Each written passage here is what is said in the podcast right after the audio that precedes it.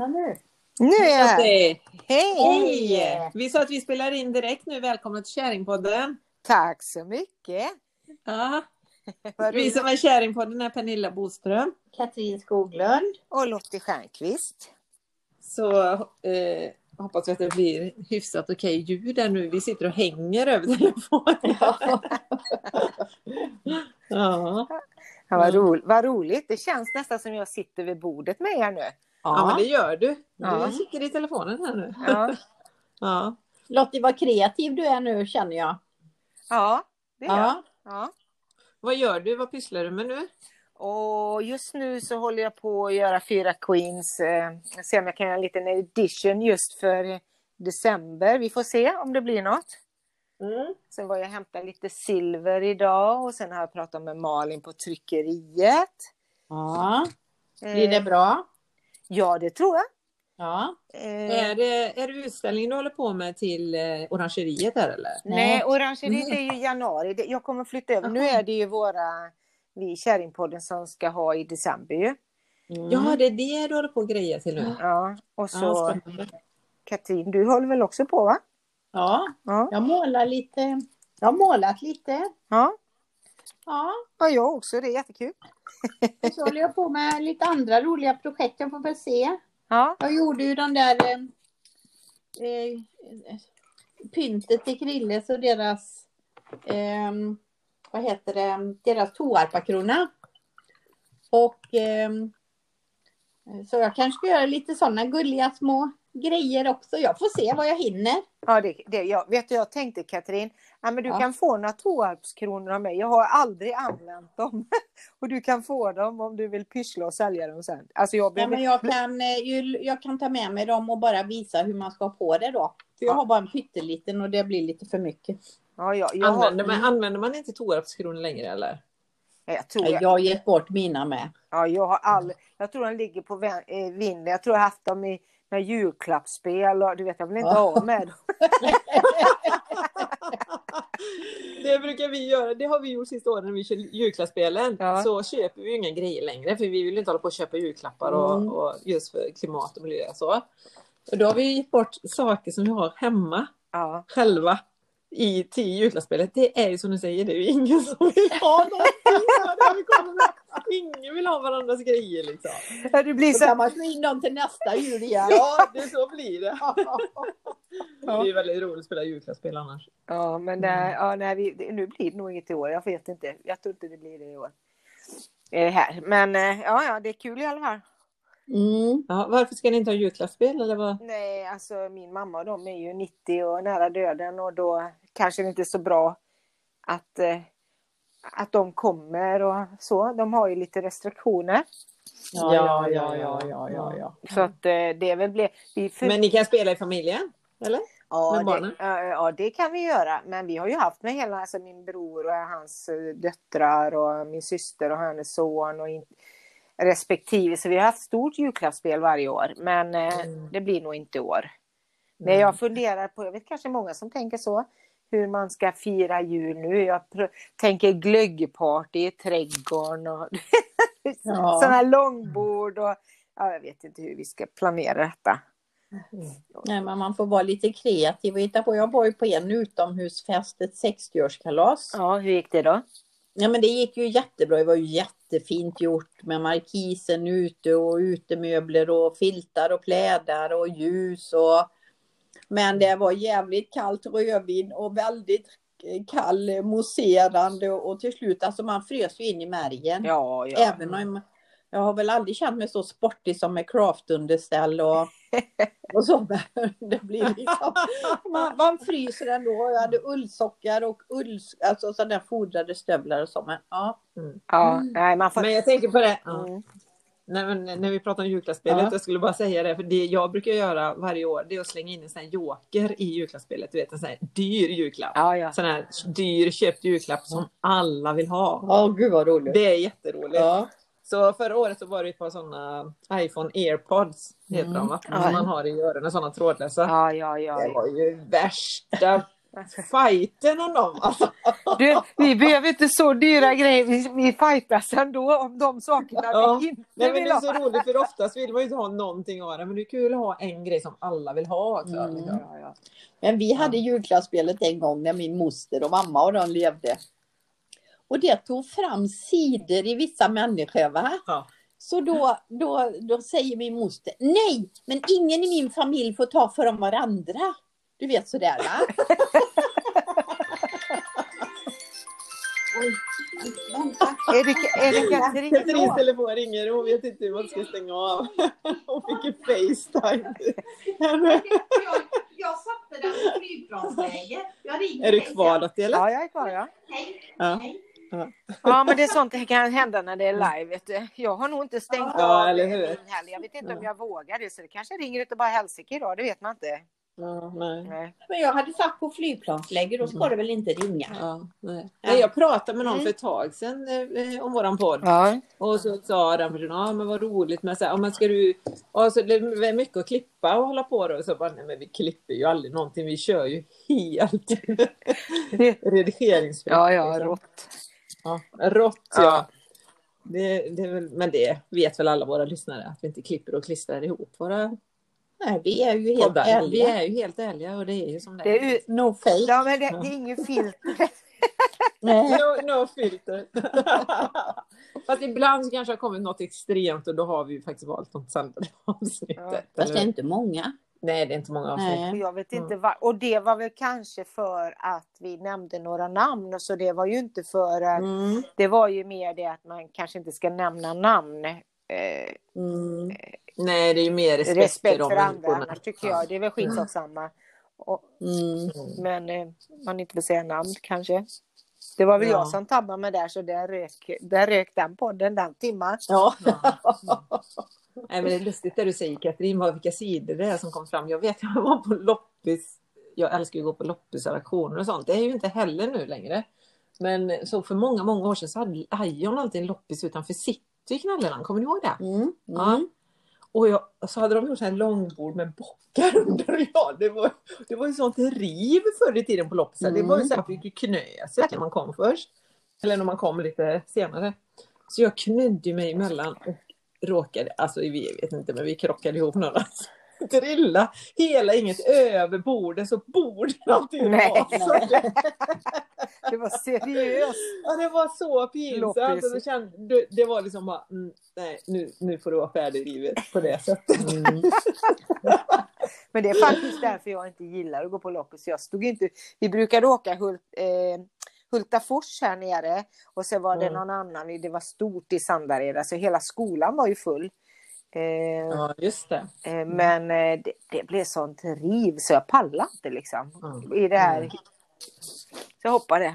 Men nu är Men det är ju helt- skönare att gå på loppisar en liten stund efter när alla andra har varit och rivit runt. Mm. Ja, och det där väl, hysteriska. Men då- Och så får man hoppas på att man hittar små guldkorn ändå. Men, men, oftast eh, åker ju guldkornen innan. De, Ja, men sen finns ju också, du vet, det finns ju du vet de här lite unika grejerna som ingen annan ser. Mm. Kanske, som man själv ser potentialen i. Eller? Alltså min Ja, kompis ja, köpte två pallar Ja. på loppis. För 40 kronor. Till gamla fula träpallar i furu. Och så visade det sig att det var Karl Einar, nej Bror Einar gjort. De Ja. gick för 240 000 på Bukowski sen. Mm. Det kallar jag fynd. ja, det, Det är fynd. ja, Jag har också gjort ett sånt fynd, men jag lät det fyndet det regna bort på våran balkong för många år sedan. Och det, det, det stör mig lite. Jag tänker inte på det längre så, men jag bara kom på det nu. Mm. Det var en sån lång fin Börje Mogensen-bänk i Mm. trä. Mm. Perfekt skick. Jag visste inte att det var där då. Jag köpte den bara för att den var en cool bänk med en fin form tyckte jag. Så den hade jag på balkongen en hel sommar så den regnade sönder. Så det är först några år senare som jag fattade att det var en Börje Mogensen-bänk. Som jag köpte för 50 spänn som bara regnade bort. Mm. Men ibland Mm. tänker jag, lätt fånget, lätt Förgånget, förgånget. Alltså det är så ibland. Jag slängde ut massa tavlor från mamma och pappa och då var det hans Sven-Erik Johansson och en känd Boråskonstnär som säljer sina tavlor jättedyrt. Och detta var ju bara ett litto men de är, kostar ändå mycket. Men vad fan, jag sa det väl någon som blev glad. Eller Någon som fick fynda. Ja. Och jag var inte egentligen ledsen för pengarna skulle för den bänken utan det var mer att jag hade åh en sån fin designgrej och jag bara Mm. låtit regna bort den Ja. som hade vi kunnat vårda lite bättre. Mm. Mm. Ja, Ja. vad tema tyckte du Pernilla? Tacksamhet? Mm. Ja, tacksamhet och sen framför allt så kände jag inte prata om döden, sjukdomar, corona. Alltså jag är så trött på det nu va. Mm. Jag bara känner, kan livet få vara lite glatt och lite roligt? Lotte, kan inte du börja med vad är du tacksam för idag?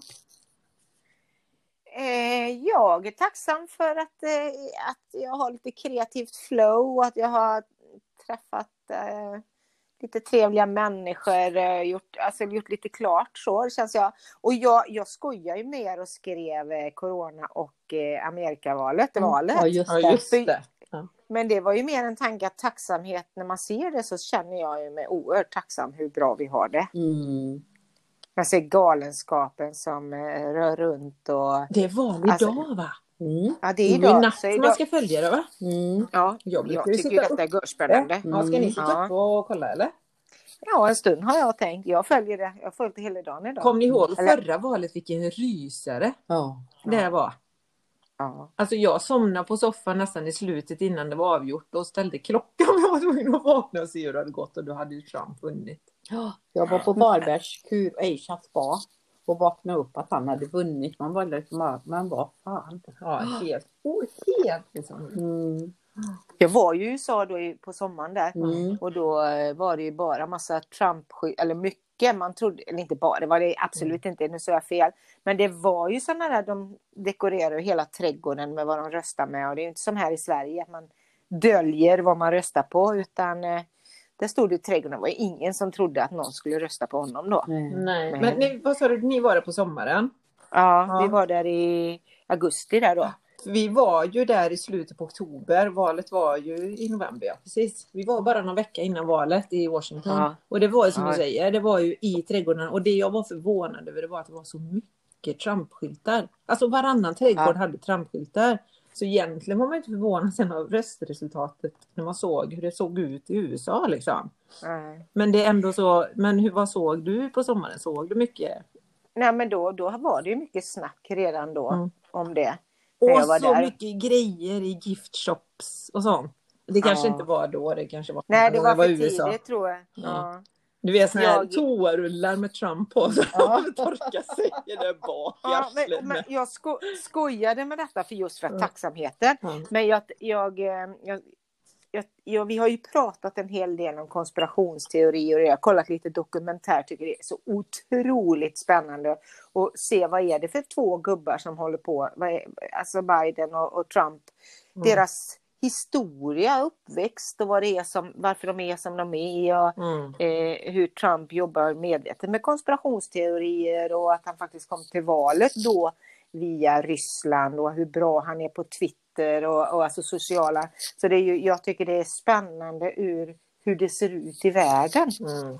Vad som påverkar saker. Mm. Och, eh, ja. Mm. Ja, men det- igen är ju det intressant det här vad, vad, vad man kan påverka människors mind liksom. Vad man kan få människor Ja. att tro på och hur man kan få människor att se på saker på olika sätt.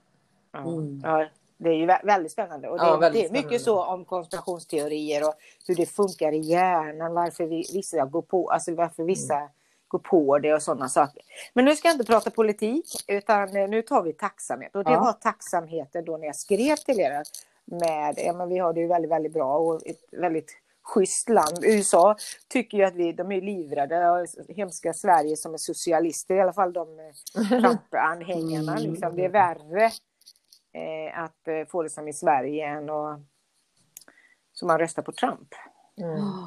Ja, men Det- är väl Trump-anhängarna som tänker så. Mm. Ja, precis. Andra människor som bor i USA som man känner, de tycker att Sverige är ett fantastiskt land ju. Mm. Så att de Men är det inte Trump-anhängare i och för sig. Ja, men det här var också intressant. Mm. Att, Trump- alltså, vad är det som är så, eh, att våra arv eller våra tid, eh, inte arv men våra tid, jag menar amerikanerna är uppvuxna med skräcken av kommunism. Så de jämför ju vårt land med kommunism nästan. Mm, mm. Och de är ju, alltså 50, 60, 70, var kommunisten kommer, det var ju krig om det. Så de har ju försatt en rädsla i människor där. Det tycker jag också var spännande. För jag har inte riktigt förstått, man vill ju nästan döma folk som är så korkade som röstar på Trump. Men Mm. när man tittar bakom vad som ligger bakom och rädslan och hur man faktiskt spelar med rä- rädslan och, och, och alltihopa det så tycker jag det är spännande att se. Vi har ju också det fast vi har andra saker Mm. Mm. Mm. som vi är rädda för och använder, vad vissa olika politiker använder och så. Så jag tycker det här är spännande. Det är sån här Mm. mind, mind de, ja, de spelet som är, de Ja. spelar. Ja, nej men det är alltid fascinerande när man står och tittar på det som en åskådare. Man kan, Ja, Som vi pratar om många gånger i våra poddar, alltså Mm. åskådare, också åskådare i sitt eget liv. Det är ju intressant. ja. Ja. och vad man själv gör och hur, hur fast man kan vara i saker och så. Mm. Och när man kommer ur det, när man tittar på sig själv utifrån efteråt, bara what, hur kunde man? Eller, Mm. liksom. Ja, men det är ju intressant. Kanske blir man så intresserad av sånt här för att ja, men det är drama där borta. Nu Mm. vet vi att detta kan påverka, det kommer påverka hela världen och alltihopa det här och ställa Ja. till det och allt vad det nu kan göra. Men jag tänker på just det där att man tittar på sig själv. För man pratar om, eh, vi säger Trump då som sätter igång konflikter. Han är ju expert på konflikter. Han är ju en kändis som eh, eh, hade, jag kommer inte ihåg vad programmet hette han hade innan. Men där var han ju, tog hand om konflikter och sparka folk och sådana saker. Och precis Mm. som han gör nu i politiken. Så han, eh, han kan ju bara rikta fokuset till en konflikt. Och det är ju för att man behöver ha någon att skylla på och Mm. rikta sin rädsla mot. Och det tänker jag, ja men det kanske man gör om man sitter och glor på det som jag gör nu. Inte vet jag. Nu känner inte jag mig så rädd men att man följer att man eh, ja, följer någonting utanför sådär, något spännande. Alltså jag tycker nästan detta är som en spännande serie som går på tv. Liksom. Men eh, ja, Men vad är det man kan följa? Vart följer ni valet i natt? Eh, TV4 sänder hela natten. De har Ja, sänt okej. hela dagen och hela, hela natten. Ja, Mm. okej. Eh, Så det har ju varit lite så. Men Mm. så Mm. tacksamt att vi har det väldigt bra. Det här med, eh, vi har mycket fakta. Vi, vi, vi, vi har, det är lite annorlunda i Sverige får jag säga. Hur det går till. Mm. Vad är du tacksam över Katrin? Nej men alltså jag har alltid varit så tacksam. Jag har ju också rest så himla mycket förr och så. Och varje gång jag blev avslappnad med taxi när jag kom ut, från utlandet, var jag än hade varit. Så när jag kom in i mitt hem så var jag alltid så tacksam liksom. Men Jag är ju tacksam varje morgon när jag vaknar. Alltså, nu har jag ju ett väldigt skönt liv. Det är, inte, det är väldigt skönt men det är inte alltid kul. Även om jag kan göra av min tid precis hur jag vill. Men jag är oerhört tacksam ändå liksom och, och slippa. Dels ha jättemycket arbetskamrater som tar rätt mycket av en och så är jag tacksam för mina hus och mina hyresgäster och mitt liv. Och, nej men jag är ju jättetacksam. Mm. Och att jag är född i Sverige jag är jättetacksam över och Mm. Jag är nästan tacksam för allting måste jag säga. Vad skönt. Ja men jag är det. Oerhört tacksam. Ja. Och du Pernilla då? Nej men jag är väldigt tacksam. Eh, Först och främst är jag väldigt tacksam över livet. Mm. Fantastiskt tacksam över livet. Mm. Eh, Sen är jag väldigt tacksam över mina barn och mina barnbarn och att jag jobbar med det och egentligen tycker det är väldigt roligt. Att jag bor jättebra som du säger Katrin, att man bor i ett land som är så bra. Det tänker jag på en del ibland. Alltså, om man skulle bo i Indien, tänk att vara född i Indien och bo i, i eh, Calcutta. Ja, men alltså bo verkligen i, i, med de allra, allra fattigaste i slummen där. Alltså lite så här, tänk på vad det är som gör att man har blivit född här och få Mm. vara, vara i allt detta. Så det är så himla lätt att få så jävla mycket ilandsproblem Mm. här. Ja men det Och tänker jag. Inkluderat jag, för jag kan ju också vara som går och gnälla över massa saker som är helt oväsentligt att gnälla om egentligen. För det, det är mycket bättre att fokusera på tacksamheten och se det som är bra istället för att se det som är dåligt. Mm. Och där är också det här mindsetet som kommer in, tänker jag. Mm. Och där har jag känt mig sista tiden så här. Åh, bara sett allt tråkigt hela tiden istället för att komma på häromdagen att men gud, titta här nu vad mycket jag har att vara tacksam över. Mm. Så det hjälper till lite. Att rikta fokuset. Jag, jag, jag tänkte Ja. när jag hör er två, så tänkte jag herregud, går ni omkring och är tacksamma hela tiden? Det är inte jag. Nej men, det, nej men det är det jag säger, att inte jag har varit sista tiden utan jag har bara sett massa problem och tyckt det varit jobbigt och nu, är det, nu kommer mörkret och jag vill resa. Du vet. Jag börjar känna mig lite så här gnällig. Ja. Alltså, du vet så här missnöjd, gnällig människa. Istället för att, nej men hallå, Mm. fokusera nu egentligen på alla de här bra sakerna istället som faktiskt är väldigt, väldigt bra. Som man tar för givet varenda dag. Ja. Vi tar ju så himla, ju bättre man har det, desto mer saker tar man för givet. Mm. Så att, eh, och det, det är ju typiskt ilandsproblem, verkligen. Mm. Så det är ju som du säger Katrin, det är så himla bra när man har varit ute, man har varit ute och rest och kommer hem till Sverige. Och man kommer hem, det är lugnt, det är ordning och reda, det är rent, saker fungerar. Eh, Vi har en social välfärd som alla klagar på som de tycker är dålig, som är fantastisk om man jämför med, med de flesta delar av Mm. världen. Vi lyckas ju, vi jämför oss alltid bara med de absolut bästa. Men vi är, ligger ju ändå i topp liksom, i världen. Och vi andas hyfsat frisk luft, vi har mat, alltså vi, vi har det väldigt, väldigt bra i Sverige. Mm. På sådana saker. Men sen så tänker jag lite så här, så börjar vi prata om, vi har ju snackat om, vi pratade ju date, dating innan vi ringde upp dig nu Lotte. Ja, jag fatt, det, det kunde jag faktiskt räkna ut. För, för det kommer det där så här, för man har allting så himla bra, så har man ju inte heller, men det man inte har då kanske det är någon så här härlig människa och kärleken i sitt liv istället. Utan vi är så fokuserade på att ha det bra, Ja. rent praktiskt, istället för att ha det väldigt, väldigt bra känslomässigt i livet. Så att det leder till andra saker så bra.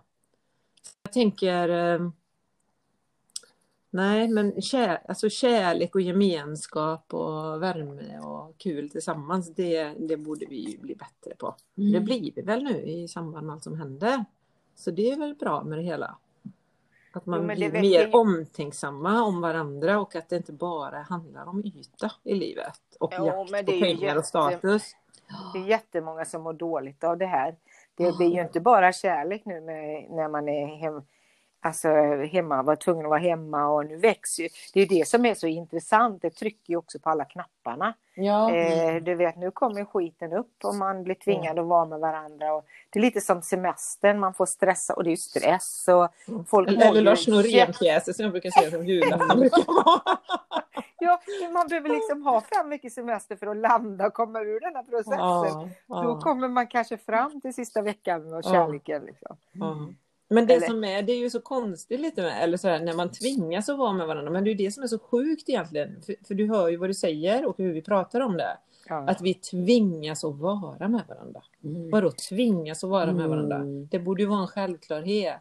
Så att igen, så det vi gör nu, vi hittar nya former att umgås på i brist på annat. Mm. I- Istället för att det kanske borde vara så att det borde vara det som är kärnan i livet, att man ska umgås och vara nära och, Mm. och bry sig om. Men eh, Men jag lever så att vara tajt. själv med. Sa Jag, jag lever ju så tajt. Alltså jag lever ju med båda mina barn, mina vuxna och mina man. Till och med Ja. mina föräldrar. Så jag har ju liksom på, jag klagar inte på det.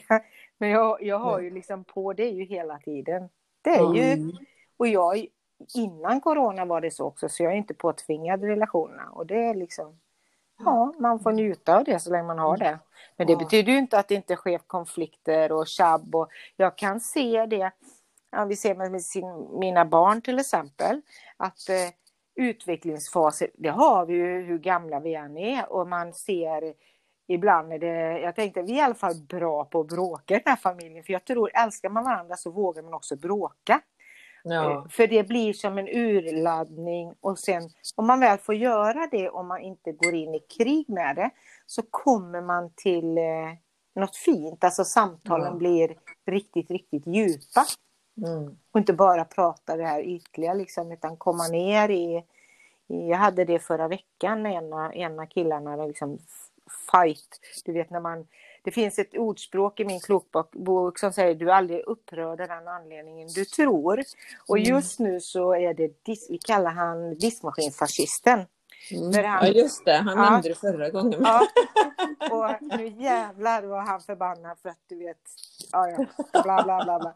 Så när han fick rasa av sig så blev det hela familjen laga mat ihop. Och, alltså det slutade med så djupa fina samtal, alltså, tycker jag. Mm. Så man ja, inte så rädd, man får våga vara i de här konflikterna om man, om man vet att man inte köper. Jag tänker på han också munken som sa köp inte allt du tänker på, men köp inte allting alla andra säger heller, utan, eller känslor, de, utan bara var där och, och så till slut så bryts det igenom. Det tycker jag är fint. Mm. Men det är inte Men, alltid... men jag tänker så här, nej men du tänker så här, för det, för, för det du säger nu det är ju för du lever ju ändå i din familj med massa människor där de här konflikterna uppstår för att man lever så nära hela tiden. Ja. Och Katrin och jag då som lever själva Ja. nu. Det, alltså man hamnar på den här andra sidan av att nej men det är väldigt bra, bekvämt och skönt att leva själv. Ja. Man slipper massa konflikter, man slipper anpassa sig, man slipper, man, man kan vara jättekräsen på den man eventuellt ska träffa eller dejta och så vidare. Ja. För att det känns som att den man träffar och dejtar ska vara så jädra perfekt Mm. för att det ens ska passa in i ens liv för att det ska vara värt allt det andra. Ja. Och det där jag tänker att det där blir så himla konstigt att vi människor idag sållar verkligen bort människor för att de inte är 100% perfekta och passar in i den världen man själv lever i. Det kanske kommer också med åldern men, men det är så konstigt ändå att man väljer bort eh, alla de här känsloregistren just för att eh, eller man väljer bort relationen för att slippa alla de här känslovågorna och registren som uppkommer i relation med andra människor överhuvudtaget. Mm. Liksom. Man väljer den enkla vägen. Det kanske är bra för vissa och andra är det... Ja, jag vet inte. Nej men jag tänker, eller jag vet inte, vad du, hur tänker du när du är på en dejtingsida Katrin? För jag tänker så, för det är ju många där som man ser, jag har ju varit på dejtingsidor ganska länge nu. Och man, det, det fladdrar ju förbi väldigt många olika typer av män och människor där. Och, jag, och det är ju väldigt många av dem som har varit där lika länge som jag. Och då tänker jag, men hur kräsen är man? Eller varför hittar man aldrig någon? Eller varför är det aldrig någon som duger? Eller du vet, det är så lätt att välja bort människor i ett eh, i ett, eh, vad säger man, i, i det forumet där man inte möter någon öga mot Mm. öga. Men sen tycker jag också liksom när man skriver på en dejtingsida, så vem är jag? Alltså, och om det bara står då att eh, ja, jag tränar sju timmar om dagen och sen åker jag motorcykel och sen är jag ute och fiskar och så Alltså, och, och så undrar jag, men vem är du liksom bakom allt det du gör? Och det kan jag känna att jag tycker är jobbigt att inte få reda på då innan. Mm. Det är liksom bara sån här eh, massa saker som de vill berätta för att skryta, eller inte, nej, inte skryta, nej, men inte jag tänker skryta, att men det kanske är det livet de har Ja. och det är det de trivs med. Och sen, vad, vad sa du innan vi började podda här? För du sa att vi, vi är, är vi djupa eller självständiga kvinnor eller vad var det du sa? Jag tänker att det kanske Mm. finns något annat. Det beror på hur man är som människa och vad man Mm. söker också. ja. Det kanske inte är alla som är lika kräsna.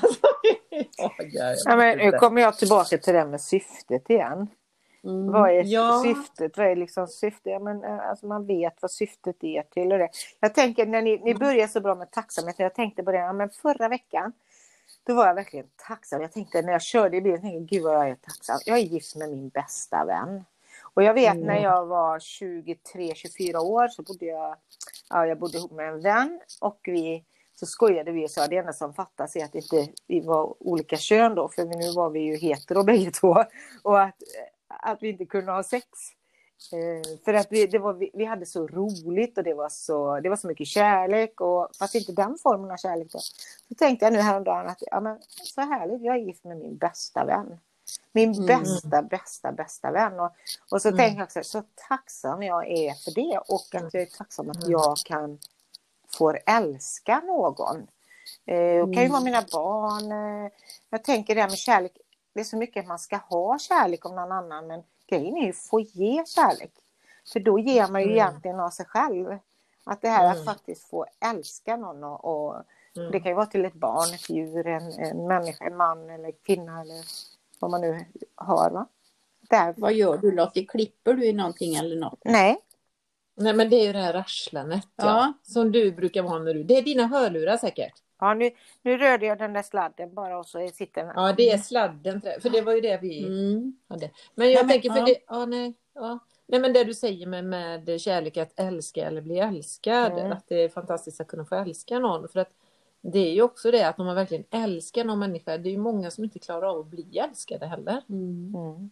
Fullt ut. Men Alltså, på jag saknar också att få ge liksom och bry mig om och liksom ta, ha- inte ta hand om, jo fast på ett gulligt sätt, inte ta hand om ekonomiskt och så, men liksom bara bry sig. Mm. Och även bli brydd tillbaka då att Mm. Det saknar jag jättemycket nu. Jag har ju haft de här sex åren och liksom hittat mig själv och absolut inte velat ha någon. Nej. Men nu liksom känner jag mig så klar i mig själv med allt man har jobbat med. Ja. Så nu är jag liksom redo att, att träffa någon. Mm. Du kan inte tro att det är jag som säger va? Nej. Jag vet vad jag bara... För jag, ibland så lyssnar jag ju på våra gamla avsnitt som Ja. ni vet för att få lite kloka råd av oss själva. För jag tycker ju att ibland så sägs det saker i våra poddar som man kan ha nytta av själv. Mm. Ehm, för ni andra är ju väldigt två kloka kvinnor som man ändå sitter och samtalar med och det är mycket som kommer fram så här som man lyssnar på.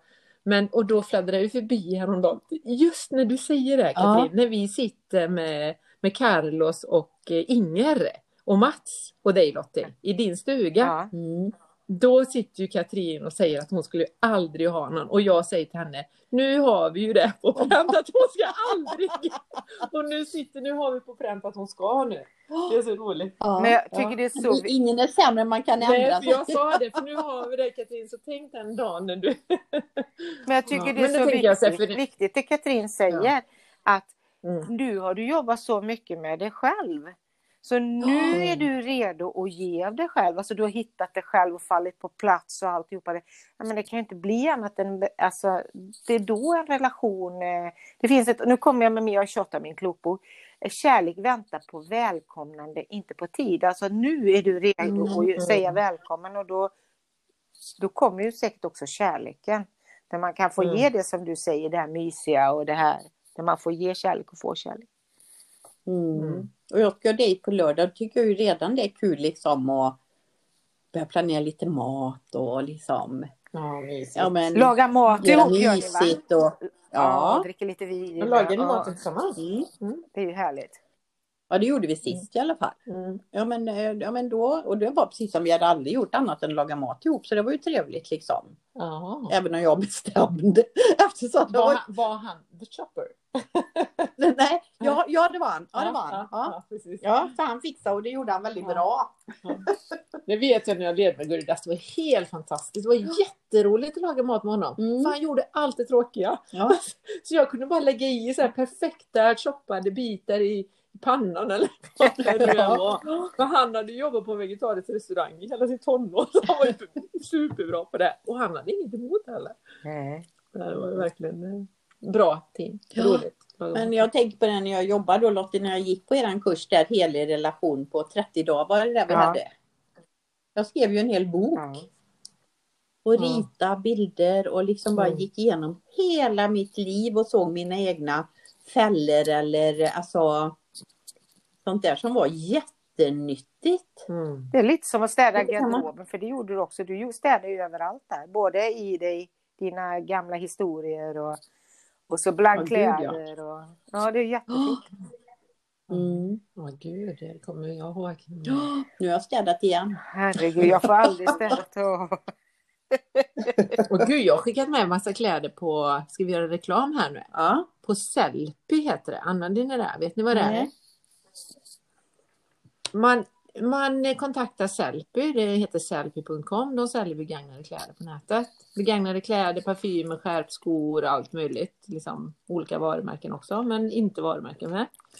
Så beställer man eh, påsar från dem, skickar de hem det gratis. Och så packar man ner allt som man vill sälja. Så tar de hand om det, går igenom allting och så säljer de det åt en och sen cashar man bara in pengarna när det blir sålt. Mhm. Ja men jo det har jag. Skitbra, man får väldigt lite betalt. Mm. Men man får ändå betalt och man får iväg allting. För man är ju lite så här, åh då hade man en gördig märkesjacka. Då kändes inte det jätteroligt bara att skicka iväg den. Då blir man lite så här, Nej, jag vet inte. Då ska jag spara den plötsligt fast jag inte Det var bra. Jag, Mm. Istället för bara skänka jag, den. tänk, jag man göra? tänkte på det när du, när du pratade om det innan. Men alltså, märkeskläder är lite svårt. Ibland tänker jag, jag har inte använt den på tio år. Bara för det är en märkesgrej. Så Ja. bara, är för att det var dyrt att köpa Ja. den. Det är nog Ja. det. Men hur dyrt är det att bara ha den hängandes i själen som ett... Alltså det hänger ju efter den, det tynger ju en. Man ska Mm. bara göra sig av med sådana saker. Jag så det gjorde jag ja. nu till, till Sellpy. Jag bara tömde allt och sen så fick man bara, ah, nu är den här såld för 100 kronor. Och så var man såhär, åh 100 kronor! Så ja men skitsamma, nu är den borta i mitt liv liksom. Mm. Ja, ja, ja.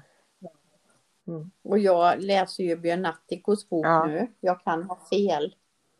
Ehm, och då säger ju han innan han blev munk då. Så går han bort allt han ägde och hade. Ja, Och han kände sig så fri. Ja. Ja, jag, Ja. vadå? Jag köper inget. Vad har det kommit in nytt nu? Jag fick en tavla efter Tommys mamma och en ljusstake som jag Ja. tycker jättemycket om. Men det fyller ju på i hemmet. Och idag köpte jag sådana här ljus som, för jag är så rädd att att glömma ljus eh, när jag har katten och, och det är svårt att ha öppna ljus då. Så köpte jag ljuslyktor med batteri som var jättefina. Och vad gjorde jag då? Tappade jag en idag. Så den gick sönder det första innan jag hann få i batterierna i. Mm. Men jag fyller på omedvetet nästan. Mm. Men man gör ju det. Man Mm. tänker för jag tycker ju ändå att jag är bra på att inte Ja. skaffa prylar Ja. och ha det spartanskt ja. hemma om man jämför med ditt hus Katrin. Ja. För du har väldigt mycket saker. Ja, Men jag har väldigt mycket saker gömt i alla skåplådor. ja. Fast jag tycker att jag rensar hela tiden. Vi har ju loppisar en gång om året ute där vi bor. Mm. Eh, och nu hade vi kvartersloppis. Ändå så kommer det lika mycket grejer och jag tycker inte jag köper något. Jag vet inte. Fast jag går ju på loppisar. Men det är lite gött. Mm. Om man, om man går på så sa jag ju nyss att det är inga loppisar längre, men om man går på second hand butiker kan man göra fortfarande. Då köper man ju grejer med gott samvete. Mm. För då vet man att det är inget nytt man köper och man kan göra sig av med det igen om inte Mm. man vill ha det. Mm. Och pengarna har gått till välgörande ändamål. Mm. Det är ett perfekt sätt att shoppa tycker jag. Mm. Mm. För det är ju lite roligt med grejer. Ja men det är ju det, du ser ju hur roligt jag tycker det är. Ja. Jag följer en, en, jag kommer inte ihåg vad hon heter på Instagram, eh, lite äldre kvinna, 50 plus någonting.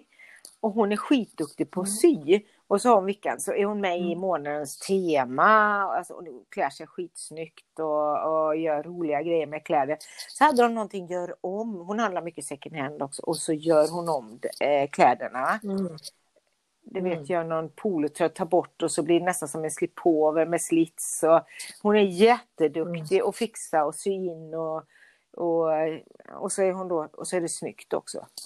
Så att eh, det är Mm. kul att se. Det är lite trendigt det där att göra om. Mm. Ja men det finns ju så mycket kreativitet i att ta hand om det vi har Mm. på något sätt. Det, är- det är ju roligt. Men ja, jag, jag, nu har jag kommit in så här, nu har jag jobbat mycket då som vanligt. Men jag har kommit in så där att när jag är ledig lite nu så ska jag rensa mitt hus totalt. Jag skulle Mm. vilja ha ingenting mer än, bara tänka så här, vad har jag använt sista halvåret? Och så ta bort allt annat som inte man använt sista halvåret. Eller sista året kanske man ska tänka. Man ska tänka säsongen nu då. Men tänk vad mycket som man skulle kunna göra sig av med då. Mm. Mm. Men alltså, ja, jag köpte ju ett nytt konstverk där borta, det där papier-maché-huvudet. Ja, för jag har suttit och tittat Ja. på det för jag har inte sett det Nej. förut. Jag tror det var i lera. Ja, Fantastiskt vackert. Ja, Ja. och vi var fyra tjejer så vi köpte varsitt huvud allihopa. Jag är helt såld på vad henne. är det? Ja, För nu har jag, får du skicka en bild, bild på. Ja, ja, det är så fint. Ivana tror jag hon heter. Ivana Art. Hon gör sådana här stora, du vet sådana här romerska gudar och statyer liksom i papier-maché. Cool. Helt fantastisk. Ja. Jag vet inte var hon är ifrån. Hon gör fantastiska julprydnader och så. Men alltså jag blir så kär i sådana här konstverk och de behöver inte kosta mycket. Det kostar ju lite och det var inte något dyrt i och för sig. Men Alltså och sen det huvudet jag har i fönstret där borta, det köpte jag på loppis 30 kronor. Och jag skulle inte vilja göra av med det för allt smör i Småland. Liksom, jag älskar ju och, konst jag har köpt av konstnärer eller Ja. ja, men jag tycker så mycket om också när det är en själ i saker. Ja. Ja, det, ja, jag är ju också sån. Jag tycker, jag har ju grejer, jag har ju tavla dig Lottie och jag har ju dina grejer hemma Katrin. Jag har faktiskt ingen tavla ännu av dig, men jag har andra saker som är dina. Eh, andra konstnärer, kreatörer som man har i umgänget, som har, som har gjort saker som man har hemma. Men jag har ju inte det framme, för jag har ju inga saker framme. Mm. Men när jag har det framme någon gång ibland då och då, så är det så himla fint för det påminner om den människan som har gjort det. Mm. Men det stör mig, det stör mig att ha det på väggarna för det passar inte in i det här äh, rena avskalade. Nej. Så det blir så, Jag tror att... jag är lite kluven Ja, där sen, med det. Ja, men när jag kommer hem till dig Pernilla så vill jag ju ha det som dig och tycker att det är så skönt. Ja. Och så kommer jag hem hit och tänker så jag måste plocka bort lite. Men den kan jag ju inte plocka bort. Och nej, men Nej. den vill jag ju ha Ja. kvar och det kan jag inte plocka bort. Och... Nej. Men jag, och då gömmer jag ju alla mina saker. Mm. Alltså, som jag har i mitt skåp. Det har ni sett du vet, med alla mina så här spirituella böcker. Mm. Och där ligger ju dina, din, fler, jag har flera kortlekar med dig Mm. Katrin. Allting sånt ligger ju i det skåpet. Så då öppnar man det skåpet och då känns det som om det här är hjärtat i mitt hus. Mm. Verkligen det där skåpet. Mm. Men det är ju ingenting som ligger framme hela tiden. Men det skulle jag nog aldrig, det skåpet skulle jag ju aldrig kunna göra mig av med känns det som. Nej. Men annars är det rätt mycket. som Hur blir du kunna- Lottie? För du lever ju med en hel familj och då får man ju alltid förhålla sig till. jag har, Pernilla och jag har ju bara våra egna saker på något ja, sätt. jag Liksom. har totalt kaos. Eh, Mm. tur. Kurt Kjellman sa att kaos är granne till kosmos. Mm. Nej men jag har Ja. alltså, nej, men jag, jag, jag, ja, jag har rätt mycket. Jag har inte, jag har fått acceptera det. Det är liksom en, en form av surrender. När man inte, Mm. jag håller inte på att lulla så mycket med illusionen. det är runt mig. Eh, utan det har varit, mitt liv det har varit att jag vill fokusera så mycket som, jag älskar vackert, jag älskar att komma till dig och jag älskar, och jag älskar när det är perfekt. Jag hade ett hotell i Malmö som jag alltid bodde på. Så flyttade de några soffor och bytte, upp, och bytte bort kopparna och det blev nya ägare. Alltså då har de förstört hela energin. så det kan Ja. störa mig så det blir Ja. svårt, nu kan jag inte bo där längre.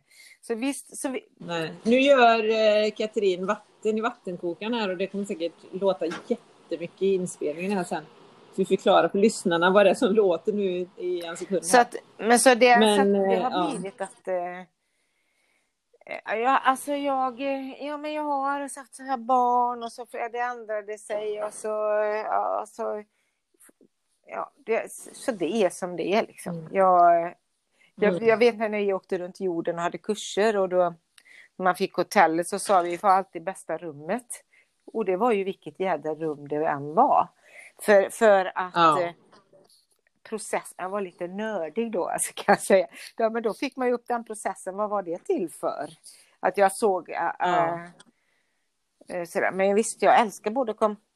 Vad sa du? Att du Ja, man fick se att vad du, det var, och man fick, jag vet, en gång vi var, hade, Men sa du att du såg Nej, eller jag sågade? såg. Jag man såg vad, vad, om man var Ja. här, ofta så- vi fick ju superbra rum, vi fick alltid bästa rummen. Eh, Mm. Men så fick man ju något dåligt rum ibland, men då var det också någon mening. Då fick man antingen vara att man skulle liksom ta till sig och gå och byta eller acceptera det som är. Eller du vet, det finns, fanns alltid, finns alltid Mm. en bakomliggande tanke. Nu håller jag inte på, behöver jag inte Mm. analysera så. För självklart skulle jag behöva göra som er. Jag får bjuda in er och så får vi rensa utav helsike här. Men som det är nu så, så är det, Men- ja, det får vara så så länge. Men så tänker jag, det är ju så lite så när man har det som intresse med design och inredning och så, då blir det ju det blir ju annorlunda på något sätt, ens hem Ja. då, tänker jag. Och sen blir man så himla nördig, eller jag vet inte, jag kan ju vara så här, jag kan bli så oerhört kräsen exempelvis om man ska boka hotell, var man än bokar Ja. hotell i världen. Då vill man ha det här mm, jätteschyssta hotellrummet eller hotellet. Och blir det inte det här perfekta så som man tror att man vill ha det, eller som man känner att man vill ha det, så ser man bara de här sakerna som man inte ville skulle vara bara. Alltså jag Mm. istället, då kan, jag, då kan jag hellre bo på en bed and breakfast som är lite halvtaffligt än, Ja. än ett dåligt lyxhotell, eller vad man ska säga, som, som inte är snyggt in i minsta detalj. Det är en, det är en yrkesskada och det, Mm. Det är, jag vet inte. Du, har du något sånt Katrin? Tänker jag som jobbar med lite sånt. Men sådana grejer Ja, med, med på tal om, som du säger Lottie, att man analyserar sig själv lite och varför och hur man tänker kring olika saker om hur man är och vilka miljöer man är i och så. Nej, men jag möblerar ju om hotellrum och när jag inte kan liksom sängen stå bra eller Ja, men jag gör ju sånt Ja, och vill göra mysigt och sådär. Men vi med. ju Flytta på varit- kudden lite. Ja. och jag har med mig en massa fina saronger som jag lägger på fula Ja. soffor och Ja. sånt bara så att det ska vara lite fint. Och, Ta bort de här fula överkasten Ja, som en del ja, har och precis, bara ja. gömmer den i ett Ja, skåp. ja, och man precis. får fram de här stolta vita lakanen. Det kan jag säga, det gör inte jag. Men vi har ju varit jättemycket i Grekland och det är ju liksom hej baberiba. För Ja. är det något jag älskar i Sverige va, så är det standard. Standardmått. Ja. 40, 60, Ja. 80 skåp. Mm. Allting, du köper ett kylskåp som går in och det är ju väldigt få länder. Nu är ju det mycket så sen Ikea kom faktiskt i världen att de tänker lite annorlunda och får in jättebra kök.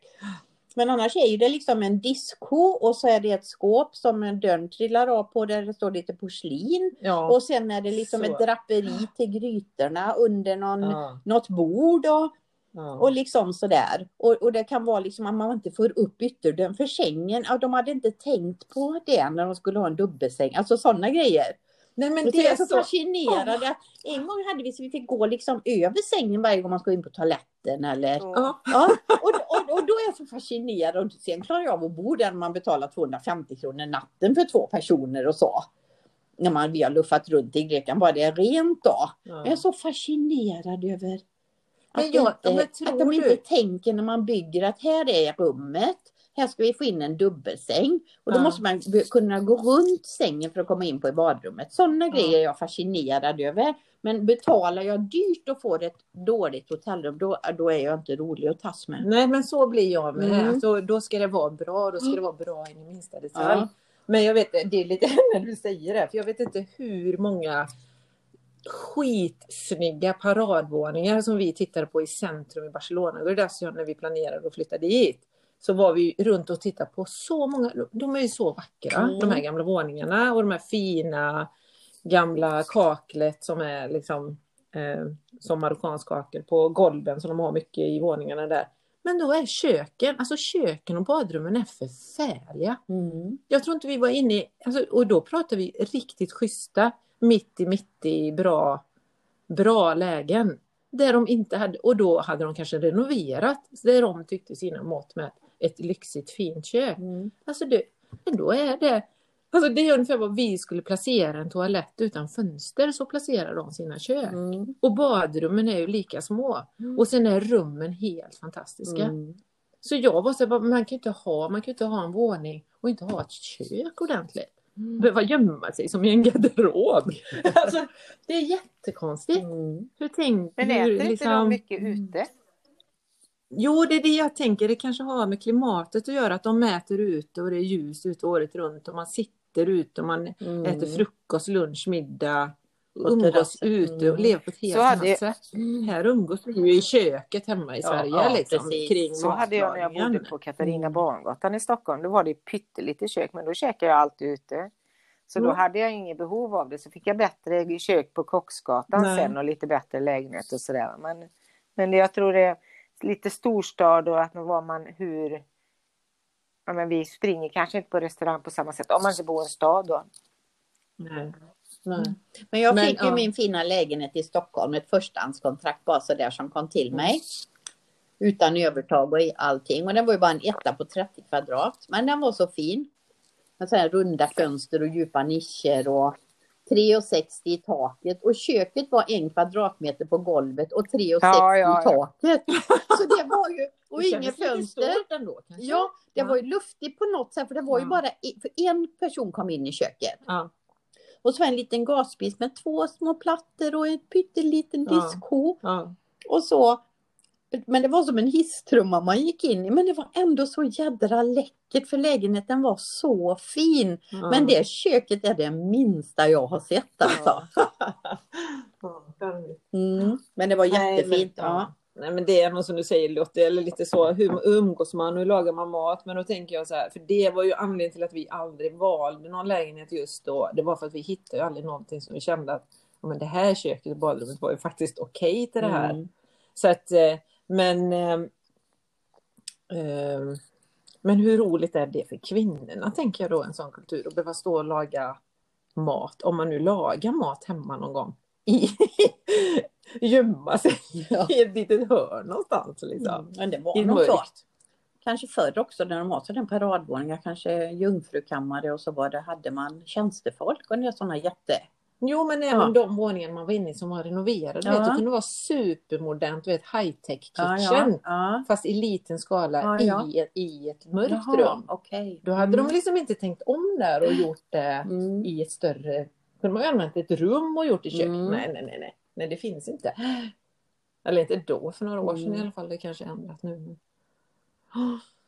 Ja, men så, jag tycker det är så nästan utomlands i varmare ställen. Men det- än men det just- faktiskt. Mm. Köket är nog väldigt eh, typiskt Jag vet, vi var på Hawaii i, jag kommer inte ihåg det var tre eller en månad, tre veckor eller en månad.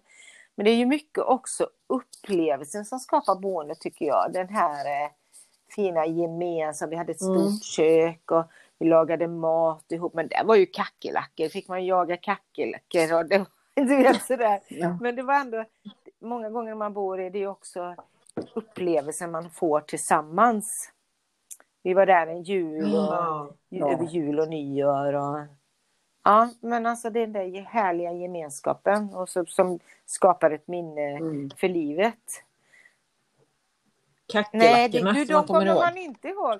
Och de översvämmande toaletterna och de där tjocka koka. Men så hade vi saltvattenpoolen, kol, get 8.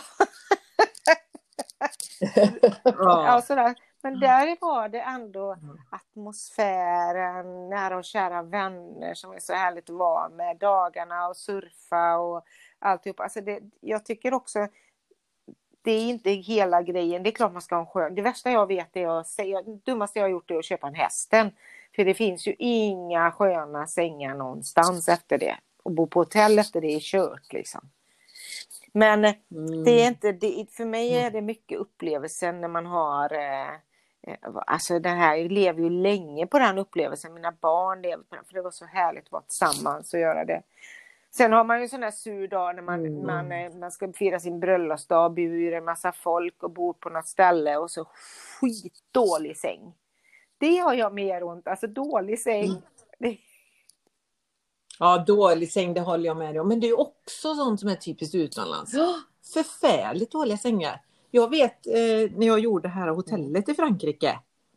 När, på tal om grejer och hitta Mm. grejer som passar. Eller nu säger då har man draperi för grytskåpen Mm. eller man har inga standardmått, ingenting.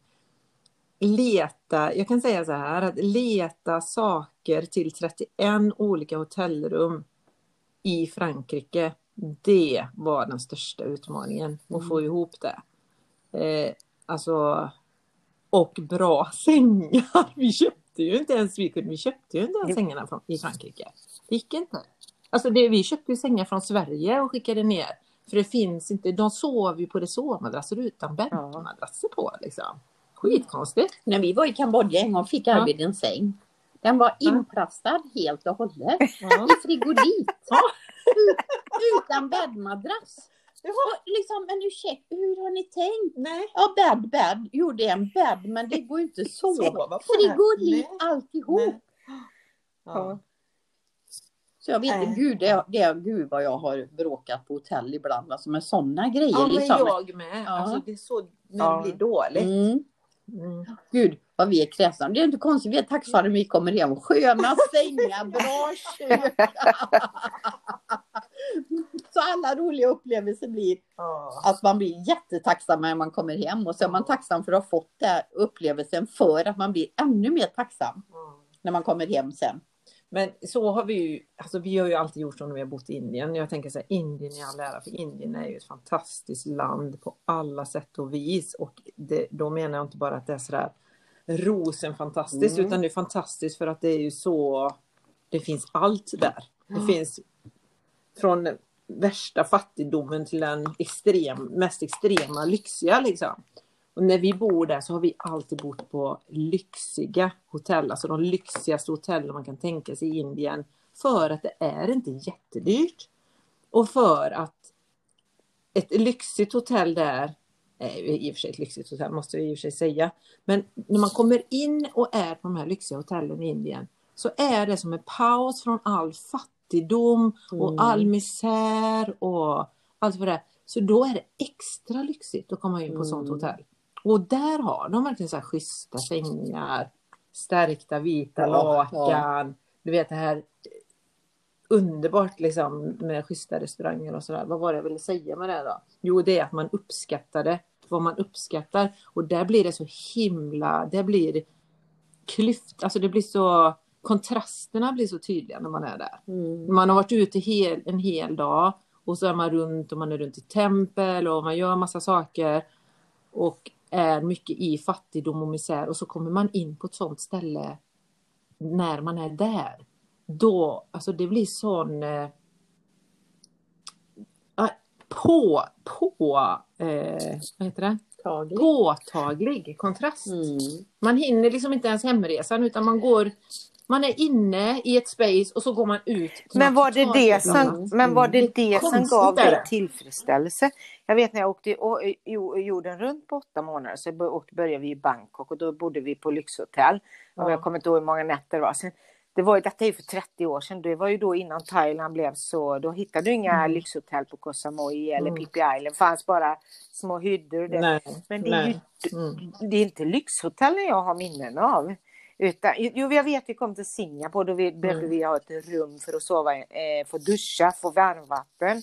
Mm. Men det är ju alla Mm. de andra grejerna Mm. som är de här minnena man har med sig tycker jag. Mm.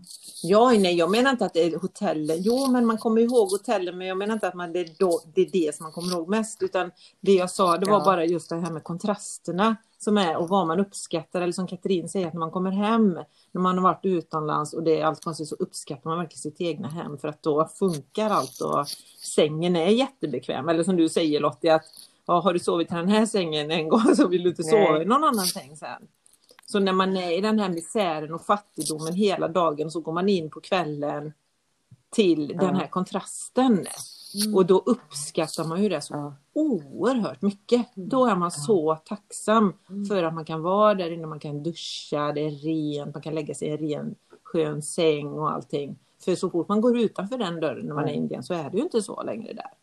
Det är ju så, Och så tittar man ut genom hotellfönstret och så ser man bara skjul där folk bor. ser Och man då- skjul, Och ja. det är fruktansvärd känsla. Alltså då kan man också Ja. känna, här sitter jag ja. i det här lyxiga och, och Mm. vad har jag?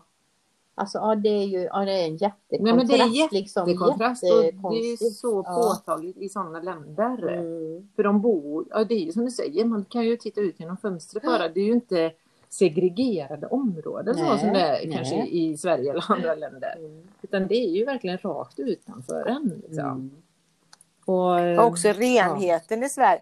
Nej, det är väldigt konstigt. Det är väldigt konstigt. Renheten här, jag vet Ja, vad det du, räcker ju bara att åka till Spanien hur välordnat och ligger inga sopor på väg. London var ju också jätte, Mm. kunde ju vara skitmycket sopor på vägarna och, eller längs med vägarna eller trottoarerna. Mm. Och, vi har ju en väldigt fin organisation, städat och fint. Men, Det är inget- men, du- ja, Det är inget kul när det är Nej, det sopstrejk i New. York kan jag säga. nej. Det, det bärgar nog upp ganska snabbt. Ja, och råttor och ja. Ja. Men jag tänkte när du sa Lottie, för nu när du varit i Singapore och så. För Singapore är ju verkligen extremt. Det måste ju vara det. Det är det renaste landet jag har varit i hela världen alltså. Mm. Där är det ju, där får man ju inte. Slänger man ut en cigarettfilm från balkongen Ja, där jag så får man man 3000 fick se- kronor böter. Mm. Alltså det finns inte ett tuggummi här hemma så om man tittar på asfalten man går hemma så är det tuggummin överallt Mm. och prickar, det tänker man ju inte på. Men där, det finns inte, det finns inte ett tuggummi på gatan, på asfalten. Hur kommer Ingenting. det sig att det landet är så rent? Eller hur? men de har väl det i sin kultur tänker Mm. jag, men de har ju också extrema böter. Men är det så över, är det inte bara Alltså, där de, det är eh, organiserat då? Att man kommer lite ut på, och utåt. Eh, att det, ja, eller inte landet, men alltså landet. Chinatown. Alltså det, vi var på någon svart i Singapore. Där var det inte riktigt likadant, men när man var inne i stan eller vad man nu, vi kommer inte ens ihåg vad det heter, men där var det ju mer ordnat och, och var precis, då reagerar man ju på att det var så jävla rent. Ja. Men just de är här matmarknaderna och det. Men jag vet inte, jag kan ju tycka, när man, även när man är ute i, i det här in, Indian Town heter det inte, jag vet inte vad den heter, men den indiska delen, alltså olika delar i Singapore så är det fortfarande väldigt, väldigt rent i förhållande till vad det är, måste jag säga. Ja, det är länge sedan jag var där. Ja. Eller just man pratar om kontraster och det är ju men sen om man ska börja prata om, om fattigdom då och misär och så, för så är det ju verkligen i Indien. Det är ju barn, alltså barn går ju där på gatan och t-shirt på överkroppen och inga underkläder och går runt bland sopor. Och, Mm. Alltså det är ju det är ju fruktansvärt men det är också det som är den här spirituella andliga utmaningen tror jag med att vara och åka till Indien. Det är ju att man måste på något sätt stänga av. Mm. Man måste stänga av sina känslor och allting för annars klarar man ju inte av att vara där. Jag tänkte första gången jag var i Indien tänkte jag aldrig mer. Nej. Alltså jag var ju tvungen att åka dit på grund av mitt jobb flera gånger då. Ja. Och då upptäckte jag andra saker. Mm. Väldigt fin gemenskap i många familjer som bodde i hyddor. De satt utanför och tvättade sig i sin lilla balja med en tvättlapp och de Mm. satt och drack sitt te och, och så Mm. såg jag en Ja det var ju romantisk sida menar jag inte för det kan inte vara så jävla romantiskt att sitta men jag såg något annat fint också. En Mm. sammanhållning och så. Men det är klart det är ju inte skitkul när man kommer jättetidigt på morgonen och det ligger folk packade som bor på alla refuger och Nej. alltså det är ju fruktansvärt. Mm. Mm. Mm. Ty, eh, tycker vi och då tänker man Ja. så här, hur mycket lider de egentligen? För det är ju Mm. det man pratar om då Mm. i, i, i det andliga perspektivet, det här lidandet. Mm. För det är ju lidandet som gör att man som människa mår dåligt ofta. Ja. Och lidandet, om inte det är en fysisk smärta så tar det ju alltid plats i ens mind och när man jämför sig. Mm. Kanske med Ja, är det inte vi som äter mest psykofarmaka i men det är inte... Eh, vad var är Vad det? sa du? Jag kommer inte ihåg om det var självmord eller om det var mest psykofarmaka, att vi mår sämst bland de sämsta i världen här i Sverige.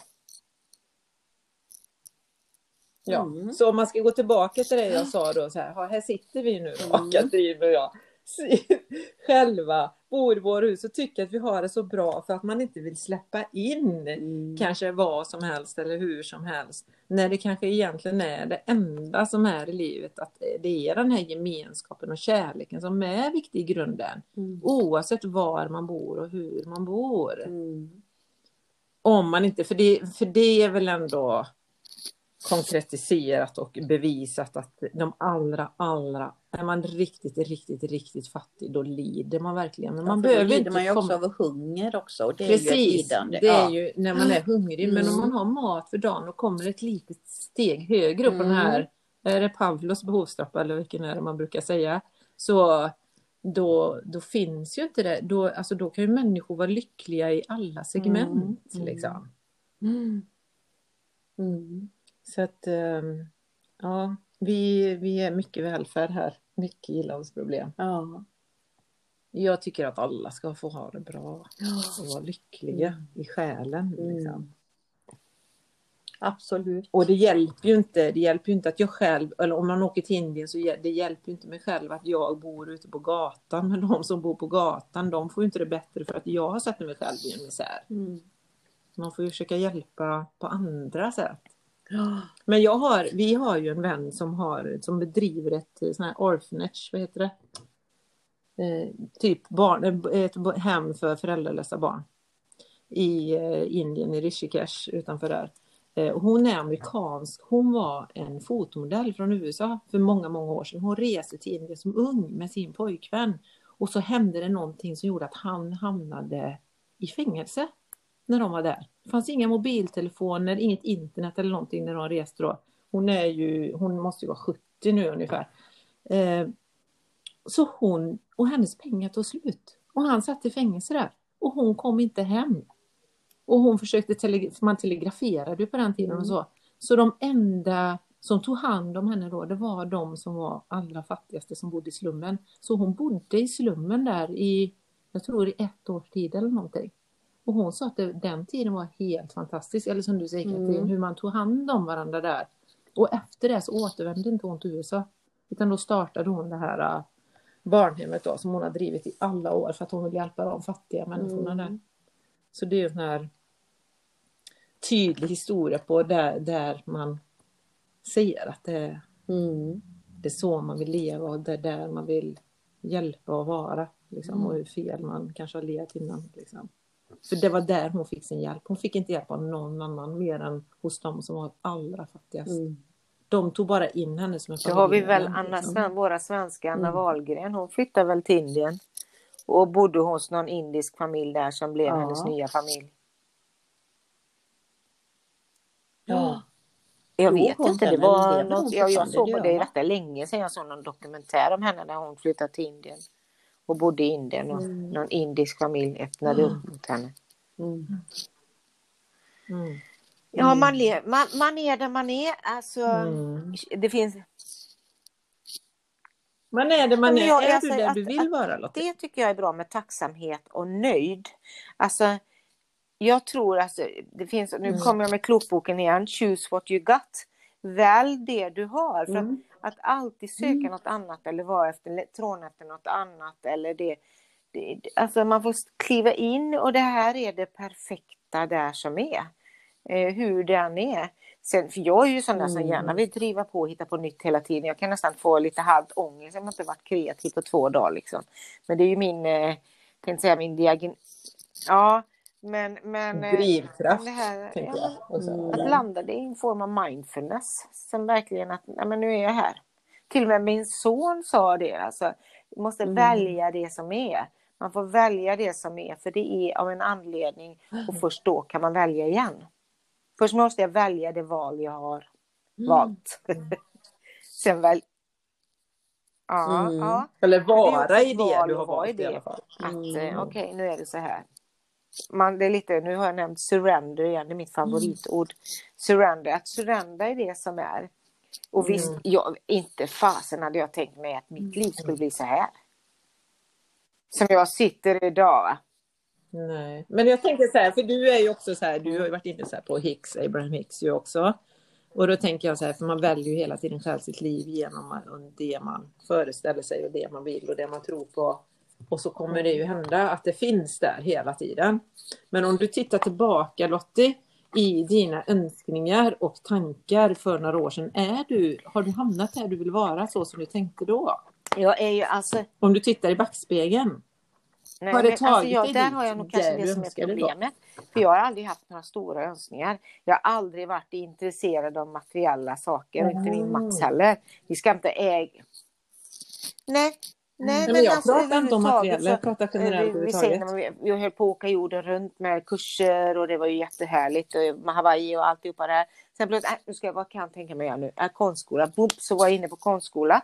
Flyttade till Lund och gjorde konstskola. Eh, så, så jag är lite för impulsiv för att sitta och planera om tio år så ska jag ha det och, och göra wishing board och sådana saker. Det är inte riktigt, eh, utan jag är lite det här go with the flow. Får jag se. Så jag tänker, ja vad ska jag göra nu? Ibland tänker jag, jag, jag gjorde faktiskt Hicks först i meditation idag för jag kände mig lite låg när jag vaknade. Alltså inte låg men du vet det här inget engage, ingen lust, ingenting, energin är slut och alltihopa det. Och jag vet ju det att jag behöver bara byta sinnestillstånd så är jag inne i, i det kreativa igen. I ett flow igen. Men det, det Mm. tar sin lilla tid. Så jag både mediterar, lyssnar på Hicks idag, gjorde yoga och allt möjligt. För att komma in igen och till slut så hittar jag då Mm.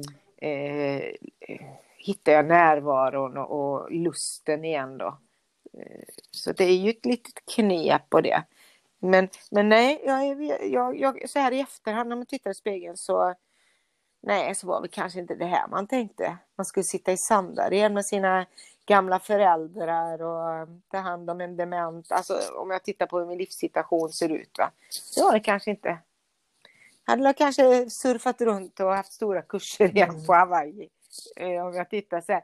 Men samtidigt så är jag nöjd här och nu. Jag håller på med konsten och alltihopa det här. Va? Men eh, nej. Alltså jag, jag brukar säga, jag, ska, jag sa, sa det till Mats faktiskt i veckan, jag skulle göra en Werner. Werner Erhard hette en, eh, en stor eh, andlig ledare, eller ledare förr i tiden. Han jobbade med just så här mindful, mindful, vad ska man kalla det, träna sinnet alltså. Jag tror Gurdas vet vem han var också. Eh, men han, han bara snappade, han bara bytte identitet en dag. Han bara drog ut kontakten liksom. Han lämnade till och med sin fru och sina barn. Och bytte namn. Han såg ett namn i en tidning, satte sig på ett flygplan, köpte sig ett falskt pass, satte sig på ett flygplan. Och så stod det, jag vet inte om han passet inom det eller hur det var, men då såg han ett namn där, Warner Earhart. Så tog han det namnet, fixade pass och försvann alltså. Från jordens yta. Hur schysst det var mot familjen och alltihopa det här känner man. Men eh, ja, jag sa det till Mats, ska vi göra en Warner? ska vi dra? Ja, Nej, men jag menar inte lämna familjen. Man lämnar inte lämna, familj idag kanske. är väl det att lämna sociala medier, göra något annat. Eh, För mig är det liksom, ja men nu skiter vi i det här. Nu, nu har vi bott i Sandared i 17 år, nu kan vi det här. Nu, nu gör vi något helt annat igen. Nu flyttar vi till, vi flyttar inte till USA, men nu gör vi något annat. Så ibland, så ibland kan jag ha en sån tanke. Nu ska vi inte bara prata om mig. Vad säger du, Pernilla? Mm. Ja, Nej, Nej, men, och nu ska vi sluta. ja, men jag ska bara Ja. säga, jag ska Ja. avsluta för jag hade egentligen velat fråga Katrin också. Ja. Men jag måste säga att för jag är ju bra på att ha mina önskningar och mina mål och verkligen tänka vad jag vill. Så att jag någonstans så liksom, applicerar det i, i universum eller i mina tankar eller mina önskningar. Jag skickar ut mina önskningar och sen så släpper jag det. Och alltid när jag tittar, för nu tittar jag i backspegeln, alltså det är många saker av dem som jag har velat, som jag har affirmerat. Det tycker som jag jag vi ska ta nästa gång. idag. För det det är jättebra att, eh, cliffhanger. jag- För jag, när du säger det så, så är det ju alltid det man, man vill. Ja. Ja, Jag går i ja. konstskola så kommer jag in där och det. Och jag vill höra Katrin också. Ska vi ta det nästa gång? Våra önskningar. Ja, det gör vi. Önskningar, Ja, för nu har vi pratat. Ja. Ja, är livet så? Ja. Ja, önskningar. Ja, Ja, precis. Önskningar lagom att ta till jul. Ja. ja, men då får Ja, vi tack, tacka för oss idag. Tack Lottie och tack Pernilla. Ja, tack för Ja. mig. Jag är jättetacksam Tack. för att ha Kram och hej. Ja. Samma Tack. här. Ja, Hej, Kram, hej. kram. kram. Nu. Nu är jag här. Hej! Hej! Vi sa att vi spelar in direkt nu. Välkomna till Käringpodden. Tack så mycket. Ja. Vi som är Käringpodden är Pernilla Boström. Katrin Skoglund. Och Lottie Stjernqvist.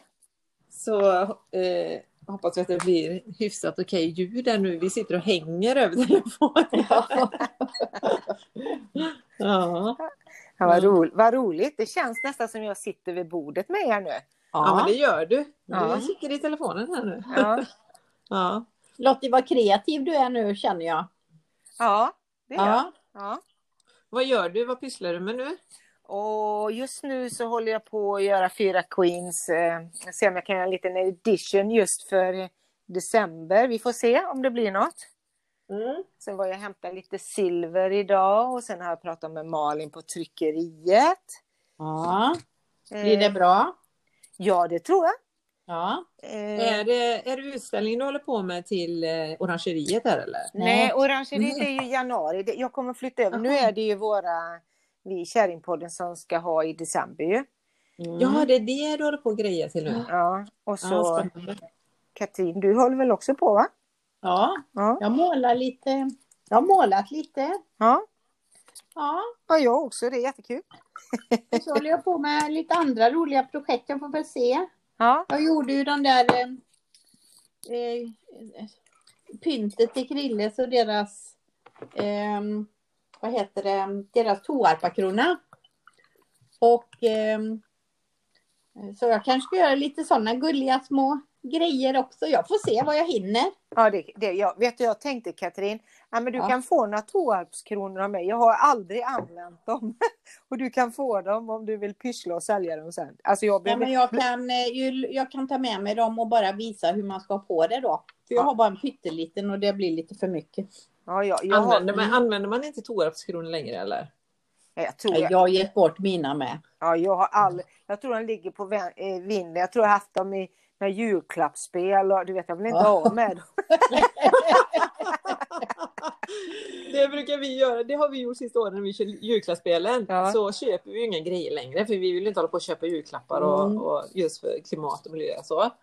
Och då har vi gett bort saker som vi har hemma Ja. själva i till julklappsspelet. Det är ju som du säger, det är ju ingen som vill ha någonting. Ingen vill ha varandras grejer liksom. Ja, Det blir Så så... kan man slå in dem till nästa jul igen. Ja, det så blir det. Det är väldigt roligt att spela julklappsspel annars. Ja, men nej, ja, nej, vi, nu blir det nog inget i år. Jag vet inte. Jag tror inte det blir det i år. Eh, här. Men eh, ja, ja, det är kul i alla fall. Mm. Ja, varför ska ni inte ha julklappsspel eller vad? Nej, alltså min mamma och de är ju 90 och nära döden och då kanske det inte är så bra att, eh, att de kommer och så. De har ju lite restriktioner.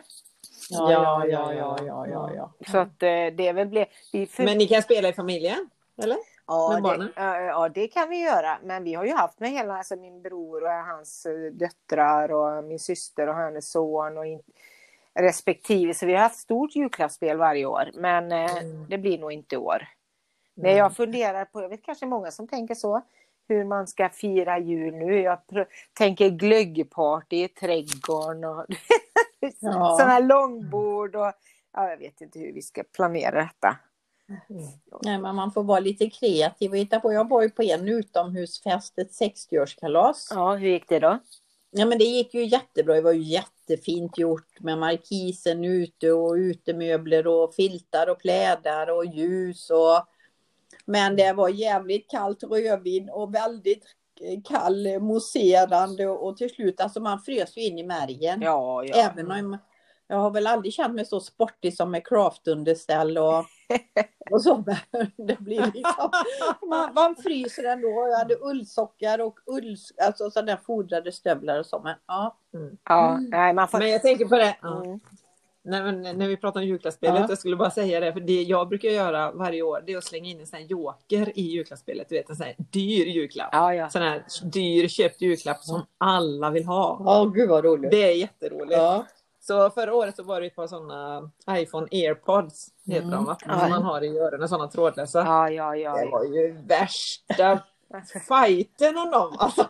Du, vi behöver inte så dyra grejer. Vi, vi fightas ändå om de sakerna Ja. vi inte Nej men vill det är så roligt för oftast vill man ju inte ha någonting av det. Men det är kul att ha en grej som alla vill ha också. Mm. liksom. Ja, ja. Men vi hade julklappsspelet en gång när min moster och mamma och de levde. Och det tog fram sidor i vissa människor va? Så då, då, då säger min moster, nej, men ingen i min familj får ta för om varandra. Du vet sådär va? Oj, vänta. Är det, är det Katrin? Katrins telefon ringer och hon vet inte hur man ska stänga av. Hon fick ju Facetime. Jag, jag satte den i flygplansläge. Jag ringer Är du kvar eller? Ja, jag är kvar ja. Hej. Ja. Hej. Ja, men det är sånt som kan hända när det är live. Vet du. Jag har nog inte stängt Ja, av eller hur? min heller. Jag vet inte om jag vågar det. Så det kanske ringer utav bara helsike idag. Det vet man inte. Ja, nej. Nej. Men jag hade satt på flygplansläge, då ska det väl inte ringa? Ja, nej. Nej, jag pratade med någon för ett tag sedan eh, om våran podd. Ja. Och så sa den personen, ja men vad roligt med så här, ja, men ska du, och så det är mycket att klippa och hålla på då. Och så bara, nej men vi klipper ju aldrig någonting, vi kör ju helt redigeringsfritt. Ja, ja, liksom. rått. Ja, rått ja. Ja. Det, det är väl, men det vet väl alla våra lyssnare att vi inte klipper och klistrar ihop våra Nej, vi är ju helt poddar. Vi ärliga. är ju helt ärliga och det är ju som det, Det är, u- No fake. ja, men det, det är ingen filter. Nej. No, no filter. Fast ibland så kanske det har kommit något extremt och då har vi ju faktiskt valt sända det avsnittet. Ja, Fast det är inte många. Nej, det är inte många avsnitt. Nej. Jag vet inte var, och det var väl kanske för att vi nämnde några namn. Så det var ju inte för att Mm. Det var ju mer det att man kanske inte ska nämna namn. Eh, Mm. Nej, det är ju mer respekt, respekt för, för andra, annars tycker jag. Det är väl skitsamma. Och, Mm. men eh, man inte vill säga namn kanske. Det var väl Ja. jag som tabbade mig där så där rök, där rök den podden den timmen. Ja. Nej, men det är lustigt det du säger Katrin, vad- vilka sidor det är som kom fram. Jag vet, jag var på loppis. Jag älskar ju att gå på loppisaktioner och sånt. Det är ju inte heller nu längre. Men så för många, många år sedan så hade Ion alltid en loppis utanför city Knalleland. Kommer ni ihåg det? Mm. Ja. Mm. Och jag, så hade de gjort så här långbord med bockar under. Ja, det var, det var ju sånt riv förr i tiden på loppisen. Det var ju så här att man fick knö sig när man kom först. Eller när man kom lite senare. Så jag knödde mig emellan och råkade, alltså vi vet inte men vi krockade ihop några. Trilla hela inget över bordet så Nej. var så Det var seriöst. Ja, det var så pinsamt. Och kände, det, var liksom bara, mm, nej, nu, nu får du vara färdig i livet på det sättet. Mm. Men det är faktiskt därför jag inte gillar att gå på loppis. Jag stod inte... Vi brukade åka Hult, eh, Hultafors här nere och sen var det Mm. någon annan, det var stort i Sandared, alltså hela skolan var ju full. Eh, Ja, just det. eh, men eh, det, det blev sånt riv så jag pallade inte liksom. Mm. I det här. Mm. Så jag hoppade. Men nu är Men det är ju helt- skönare att gå på loppisar en liten stund efter när alla andra har varit och rivit runt. Mm. Ja, och Det där väl, hysteriska. Men då- Och så får man hoppas på att man hittar små guldkorn ändå. Men, men, oftast eh, åker guldkornen innan. De, Ja, men sen finns ju också, du vet, det finns ju du vet, de här lite unika grejerna som ingen annan ser. Mm. Kanske, som man själv ser potentialen i. Eller? Alltså min Ja, kompis ja, köpte två pallar Ja. på loppis för 40 kronor. Till gamla fula träpallar i furu. Och så visade det sig att det var Karl Einar, nej Bror Einar gjort. De Ja. gick för 240 000 på Bukowski sen. Mm. Det kallar jag fynd. ja, det, Det är fynd. ja, Jag har också gjort ett sånt fynd, men jag lät det fyndet regna bort på våran balkong för många år sedan. Och det, det, det stör mig lite. Jag tänker inte på det längre så, men jag bara kom på det nu. Mm. Det var en sån lång fin Börje Mogensen-bänk i Mm, trä. Mm. Perfekt skick. Jag visste inte att det var där då. Jag köpte den bara för att det var en cool bänk med en fin form tyckte jag. Så den hade jag på balkongen en hel sommar så den hängde ju sönder. Så det är först några år senare som jag fattade att det var en Börje Mogensen-bänk. Som jag köpte för 50 spänn som bara regnade bort. Mm. Men ibland Mm. tänker jag, lätt fånget, lätt förgånget. Alltså det är så ibland. Jag slängde ut massa tavlor från mamma och pappa och då var det hans Sven-Erik Johansson och en känd Boråskonstnär som säljer sina tavlor jättedyrt. Och detta var ju bara ett litto men det, de är, kostar ändå mycket. Men vad fan, jag sa det blir någon som blir glad. Eller Någon som fick fynda. Ja. Och jag var inte egentligen ledsen för pengarna skull för den bänken utan det var mer att jag hade åh en sån fin designgrej och jag bara Mm. låtit regna bort den. Som hade vi kunnat vårda lite bättre. Mm. Mm. ja, var det tema tyckte du Pernilla? Tacksamhet?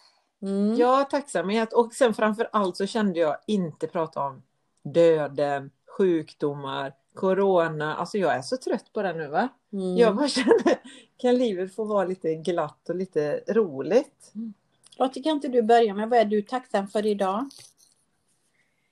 Eh, jag är tacksam för att, eh, att jag har lite kreativt flow och att jag har träffat eh, lite trevliga människor, eh, gjort, alltså gjort lite klart så känns jag. Och jag, jag skojar ju mer och skrev eh, Corona och eh, Amerikavalet, valet. Ja, just Ja, det. just det.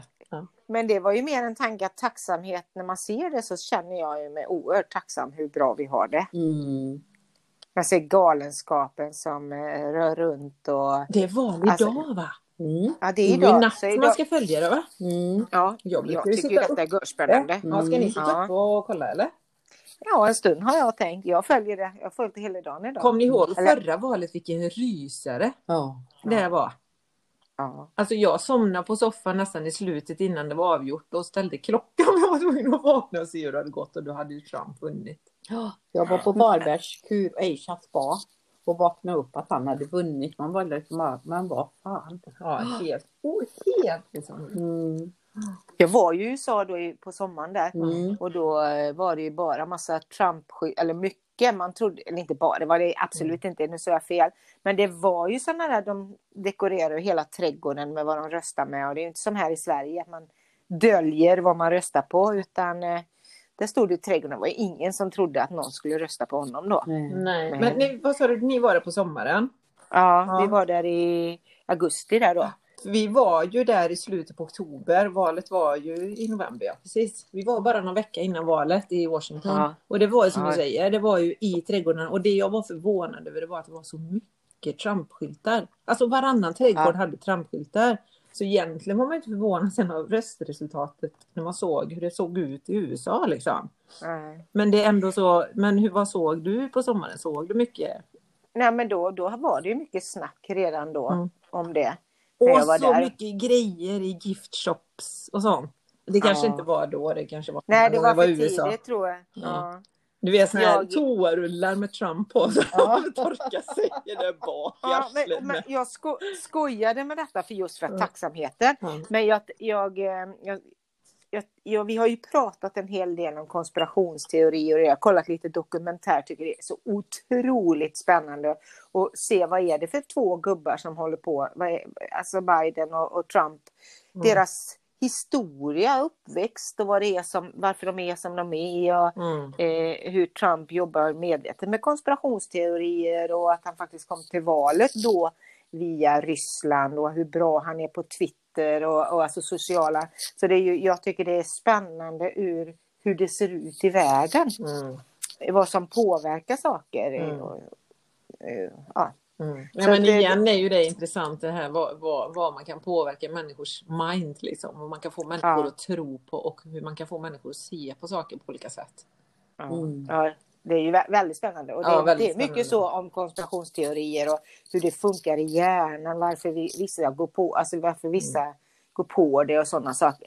Men nu ska jag inte prata politik, utan nu tar vi tacksamhet. Och det Ja. var tacksamheten då när jag skrev till er med, ja men vi har det ju väldigt, väldigt bra och ett väldigt schysst land. USA tycker ju att vi, de är livrädda av hemska Sverige som är socialister, i alla fall de eh, Trump-anhängarna. Mm. Liksom. Det är värre eh, att eh, få det som i Sverige än att så man röstar på Trump.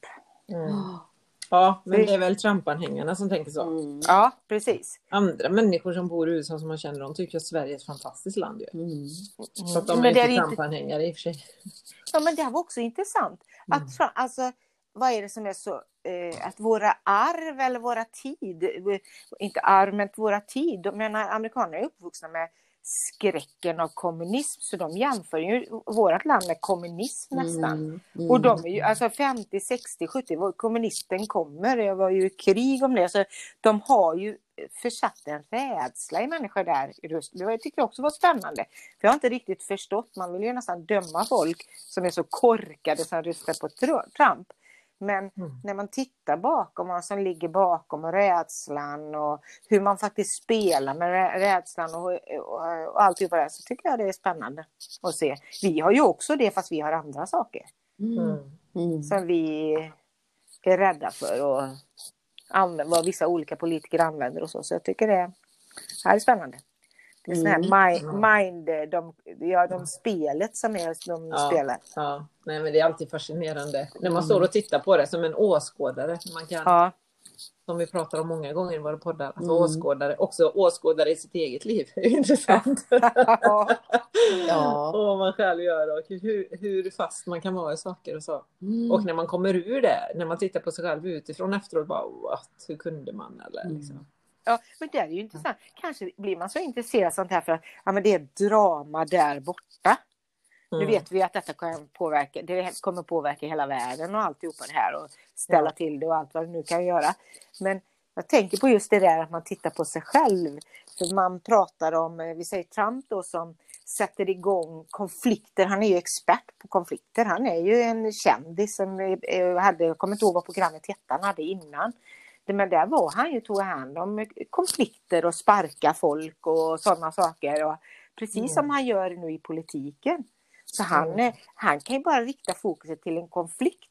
Och det är ju för att man behöver ha någon att skylla på och Mm. rikta sin rädsla mot. Och det tänker jag, ja men det kanske man gör om man sitter och glor på det som jag gör nu. Inte vet jag. Nu känner inte jag mig så rädd men att man följer att man eh, ja, följer någonting utanför sådär, något spännande. Alltså jag tycker nästan detta är som en spännande serie som går på tv. Liksom.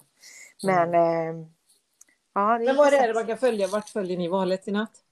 Eh, TV4 sänder hela natten. De har Ja, sänt okej. hela dagen och hela, hela natten.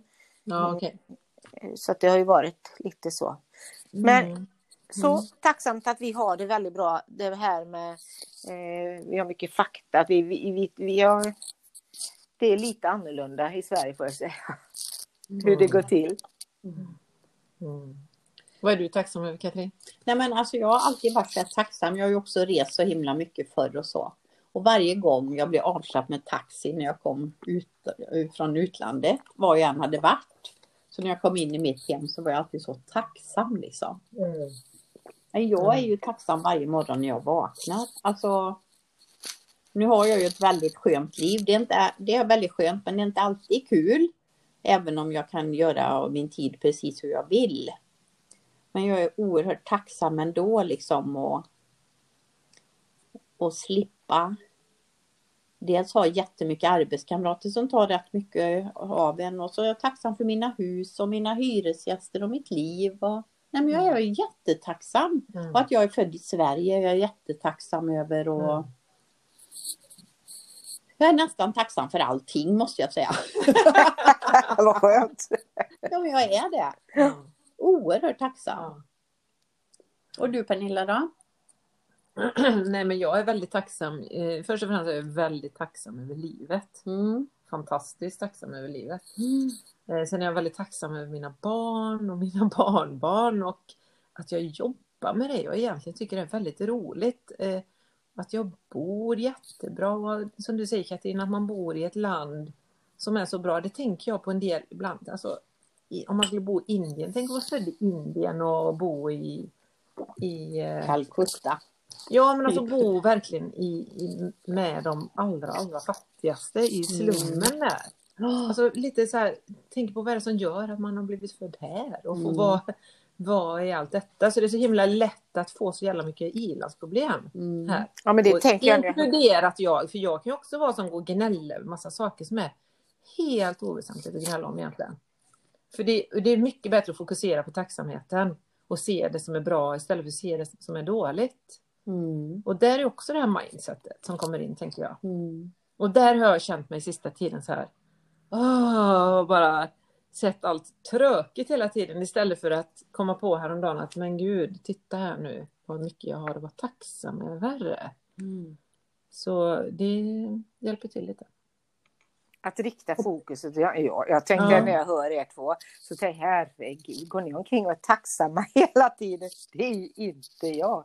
Nej men, det, nej men det är det jag säger, att inte jag har varit sista tiden utan jag har bara sett massa problem och tyckt det varit jobbigt och nu, är det, nu kommer mörkret och jag vill resa. Du vet, jag börjar känna mig lite så här gnällig. Ja. Alltså, du vet så här missnöjd, gnällig människa. Mm. Istället för att, nej men hallå, Mm. fokusera nu egentligen på alla de här bra sakerna istället som faktiskt är väldigt, väldigt bra. Som man tar för givet varenda dag. Ja.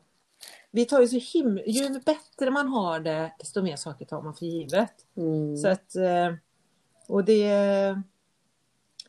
det är ju typiskt ilandsproblem, verkligen. Mm. Så det är ju som du säger Katrin, det är så himla bra när man har varit ute, när man har varit ute och rest och kommer hem till Sverige.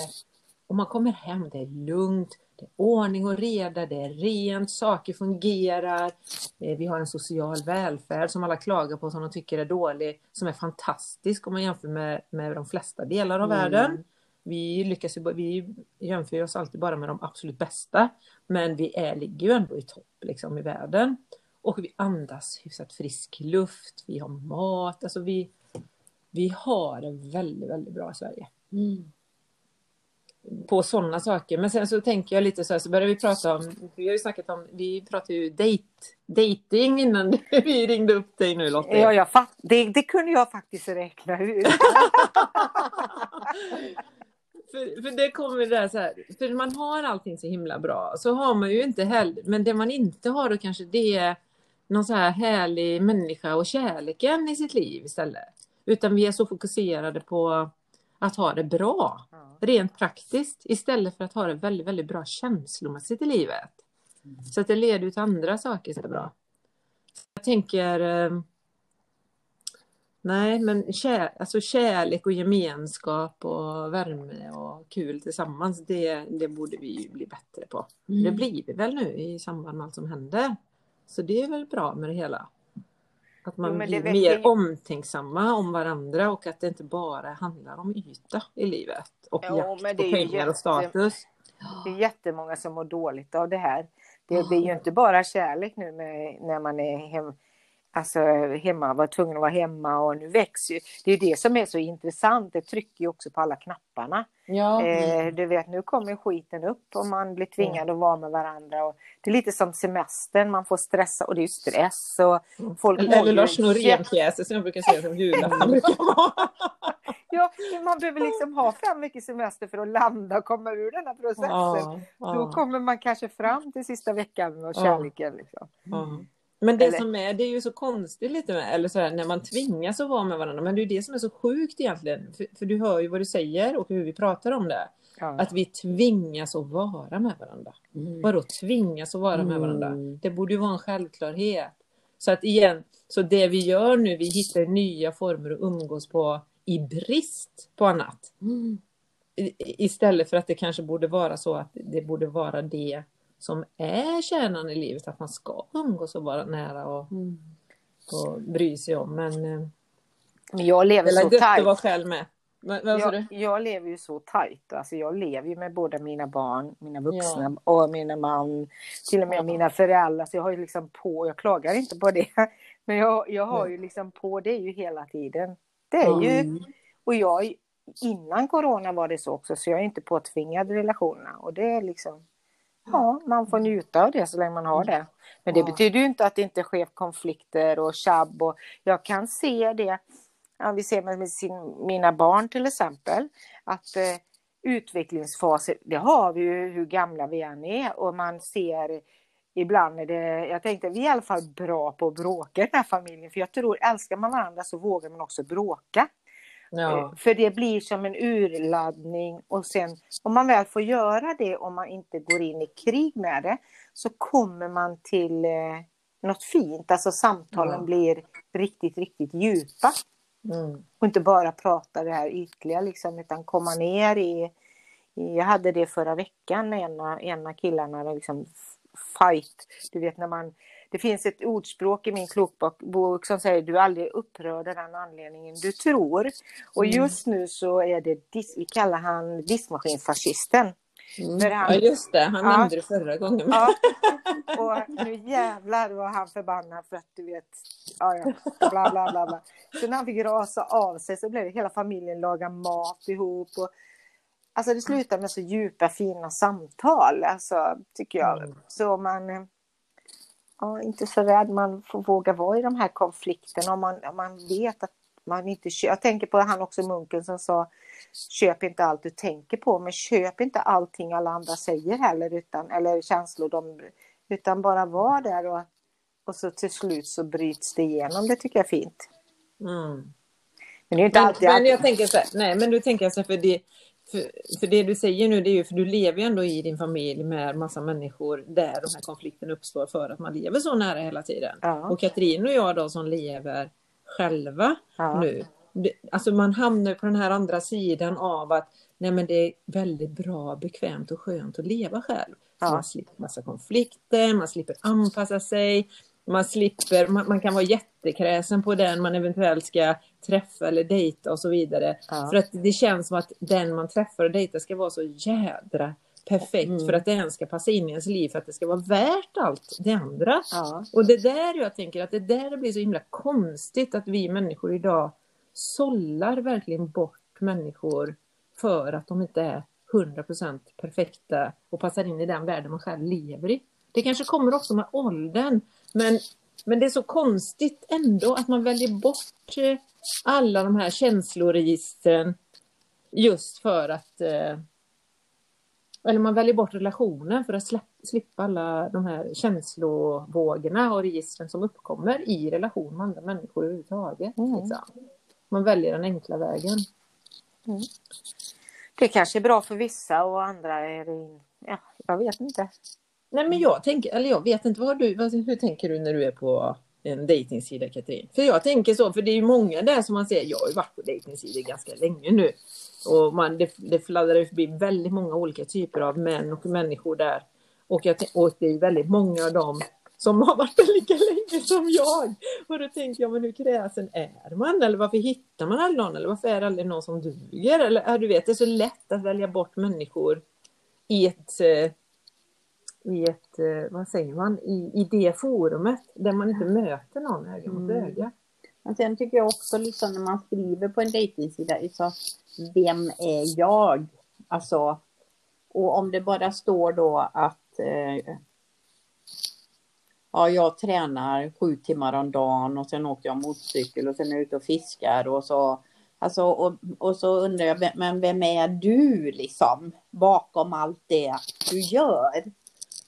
Och det kan jag känna att jag tycker är jobbigt att inte få reda på då innan. Mm. Det är liksom bara sån här eh, massa saker som de vill berätta för att skryta, eller inte, nej, inte skryta, nej, men inte jag tänker skryta, att men det kanske är det livet de har Ja. och det är det de trivs med. Och sen, vad, vad sa du innan vi började podda här? För du sa att vi, vi är, är vi djupa eller självständiga kvinnor eller vad var det du sa? Jag tänker att det kanske Mm. finns något annat. Det beror på hur man är som människa och vad man Mm. söker också. ja. Det kanske inte är alla som är lika kräsna. Ja, men nu kommer jag tillbaka till det med syftet igen. Mm. Vad är Ja. syftet? Vad är liksom syftet? Ja, men, eh, alltså, man vet vad syftet är till. Och det. Jag tänker när ni, ni börjar så bra med tacksamhet. Jag tänkte på det, ja, men förra veckan då var jag verkligen tacksam. Jag tänkte när jag körde i bilen, tänkte, gud vad jag är tacksam. Jag är gift med min bästa vän. Och jag vet Mm. när jag var 23-24 år så bodde jag, ja, jag bodde ihop med en vän och vi så skojade vi och sa det enda som fattas är att inte vi var olika kön då, för nu var vi ju hetero bägge två. Och att, att vi inte kunde ha sex. Eh, för att vi, det var, vi, vi hade så roligt och det var så, det var så mycket kärlek. Och, fast inte den formen av kärlek. Då. Så tänkte jag nu häromdagen att ja, men, så härligt, jag är gift med min bästa vän. Min Mm. bästa, bästa, bästa vän. Och, och så Mm. tänker jag också, så tacksam jag är för det. Och att jag är tacksam att Mm. jag kan får älska någon. Eh, det kan ju Mm. vara mina barn. Eh, jag tänker det här med kärlek. Det är så mycket att man ska ha kärlek om någon annan. Men grejen är ju att få ge kärlek. För då ger man ju Mm. egentligen av sig själv. Att det här Mm. att faktiskt få älska någon. Och, och Mm. Det kan ju vara till ett barn, ett djur, en, en människa, en man eller kvinna. Eller vad man nu har. Va? Där. Vad gör du Lottie? Klipper du i någonting eller något? Nej, Nej men det är ju det här rasslandet ja. Ja. som du brukar vara när du... Det är dina hörlurar säkert. ja, nu, nu rörde jag den där sladden bara och så sitter den. Ja det är sladden. För det var ju det vi Mm. hade. Men jag Ja, men- tänker för ja. det... Ja, nej, ja. nej men det du säger med, med kärlek att älska eller bli älskad. Mm. Att det är fantastiskt att kunna få älska någon. För att det är ju också det att om man verkligen älskar någon människa. Det är ju många som inte klarar av att bli älskade heller. Mm. Mm. Fullt ut. Men Alltså, jag på riktigt. saknar också att få ge liksom och bry mig om och liksom ta, ha- inte ta hand om, jo fast på ett gulligt sätt, inte ta hand om ekonomiskt och så, men liksom bara bry sig. Mm. Och även bli brydd tillbaka då att Mm. Det saknar jag jättemycket nu. Jag har ju haft de här sex åren och liksom hittat mig själv och absolut inte velat ha någon. Nej. Men nu liksom känner jag mig så klar i mig själv med allt man har jobbat med. Ja. Så nu är jag liksom redo att, att träffa någon. Mm. Du kan inte tro att det är jag som säger va? Nej. Jag vet vad jag bara... För jag, ibland så lyssnar jag ju på våra gamla avsnitt som Ja. ni vet för att få lite kloka råd av oss själva. För jag tycker ju att ibland så sägs det saker i våra poddar som man kan ha nytta av själv. Mm. Ehm, för ni andra är ju väldigt två kloka kvinnor som man ändå sitter och samtalar med och det är mycket som kommer fram så här som man lyssnar på. Men och då fladdrar jag förbi häromdagen. Just när du säger det Katrin, när vi sitter med, med Carlos och eh, Inger och Mats och dig Lottie i din stuga. Ja. Mm. Då sitter ju Katrin och säger att hon skulle ju aldrig ha någon och jag säger till henne nu har vi ju det på pränt att hon ska aldrig.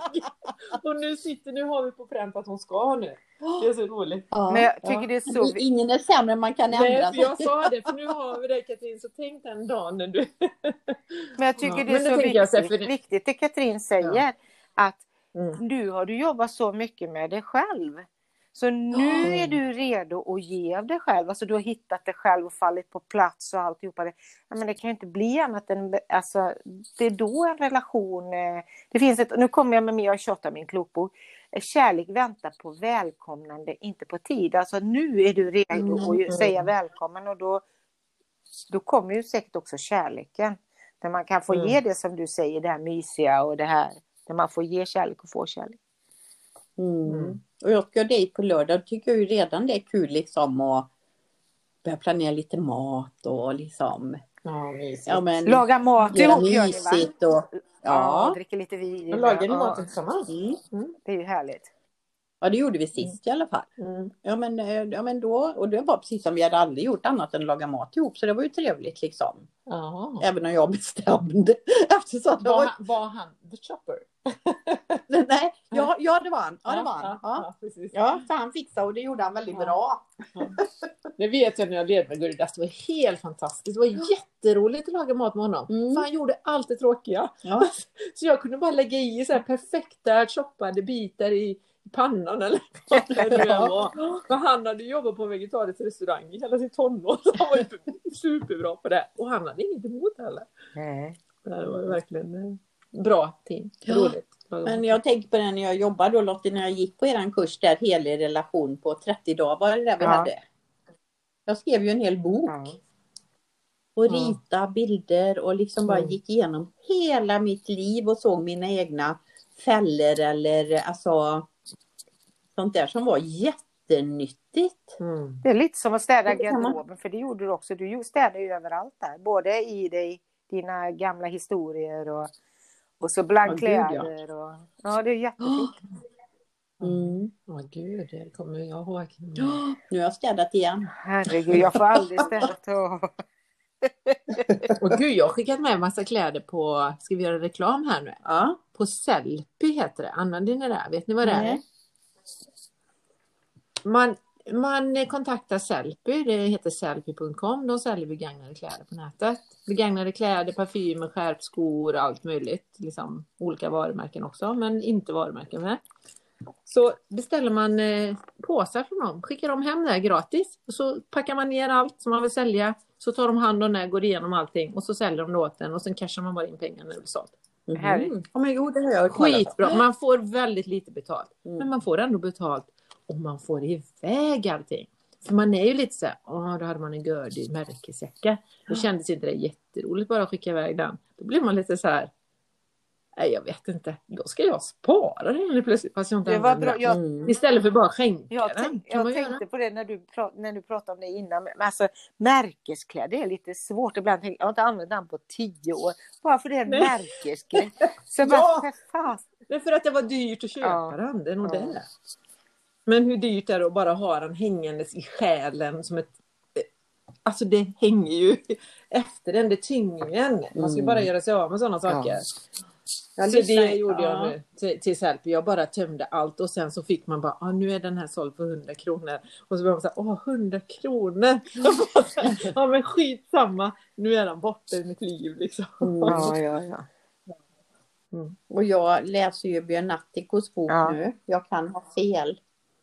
Eh, och då säger ju han innan han blev munk då. Så gav han bort allt han ägde och hade. Ja, Och han kände sig så fri. Ja. Ja, jag, Ja. vadå? Jag köper inget. Vad har det kommit in nytt nu? Jag fick en tavla efter Tommys mamma och en ljusstake som jag Ja. tycker jättemycket om. Men det fyller ju på i hemmet. Och idag köpte jag sådana här ljus som, för jag är så rädd att glömma ljus när jag har katten och, och det är svårt att ha öppna ljus då. Så köpte jag ljuslyktor med batteri som var jättefina och vad gjorde jag då? Tappade jag en idag. Så den gick sönder det första innan jag hann få i batterierna i. Mm. Men jag fyller på omedvetet nästan. Mm. Ja, men man gör ju det. Man Mm. tänker ju, för jag tycker ju ändå att jag är bra på att inte Ja. skaffa prylar Ja. och ha det spartanskt ja. hemma om man jämför med ditt hus Katrin, Ja. för du har väldigt mycket saker. Ja, Men jag har väldigt mycket saker gömt i alla skåplådor. ja. Fast jag tycker att jag rensar hela tiden. Vi har ju loppisar en gång om året ute där vi bor. Mm. Eh, och nu hade vi kvartersloppis. Ändå så kommer det lika mycket grejer och jag tycker inte jag köper något. Jag vet inte. Fast jag går ju på loppisar. Men det är lite gött. Mm. Om man, om man går på sa jag ju nyss att det är inga loppisar längre, men om man går på second hand butiker kan man göra fortfarande.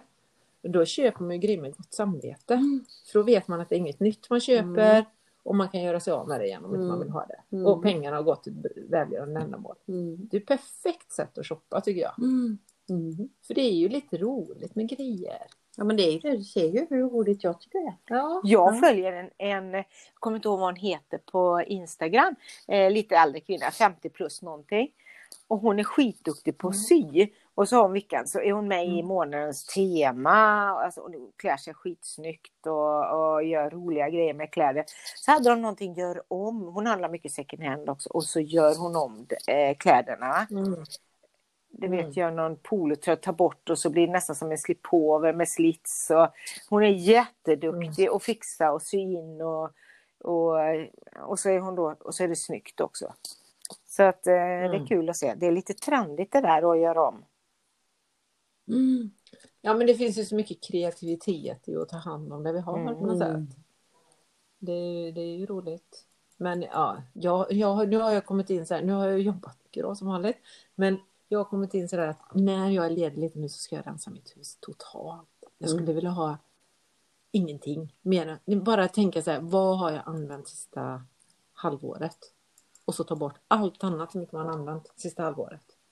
Eller sista året kanske man ska tänka. Man ska tänka säsongen nu då. Men tänk vad mycket som man skulle kunna göra sig av med då. Mm. Men alltså, ja, jag köpte ju ett nytt konstverk där borta, det där papier-maché-huvudet. Ja, för jag har suttit och tittat Ja. på det, för jag har inte sett det Nej. förut. Jag tror det var i lera. Fantastiskt vackert. Ja, Ja. och vi var fyra tjejer så vi köpte varsitt huvud allihopa. Jag är helt såld på vad henne. är det? Ja, För nu har jag, får du skicka en bild, bild på. Ja, ja, det är så fint. Ivana tror jag hon heter. Ivana Art. Hon gör sådana här stora, du vet sådana här romerska gudar och statyer liksom i papier-maché. Cool. Helt fantastisk. Ja. Jag vet inte var hon är ifrån. Hon gör fantastiska julprydnader och så. Men alltså jag blir så kär i sådana här konstverk och de behöver inte kosta mycket. Det kostar ju lite och det var inte något dyrt i och för sig. Men Alltså och sen det huvudet jag har i fönstret där borta, det köpte jag på loppis 30 kronor. Och jag skulle inte vilja göra av med det för allt smör i Småland. Liksom, jag älskar ju och, konst jag har köpt av konstnärer eller Ja. ja, men jag tycker så mycket om också när det är en själ i saker. Ja.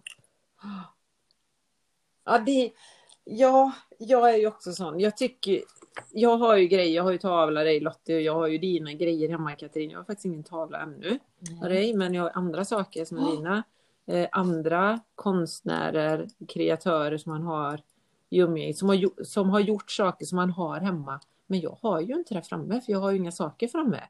Men när jag har det framme någon gång ibland då och då så är det så himla fint för det påminner om den människan som har gjort det. Mm. Men det stör mig. Det stör mig att ha det på väggarna för det passar inte in i det här äh, rena avskalade. Nej.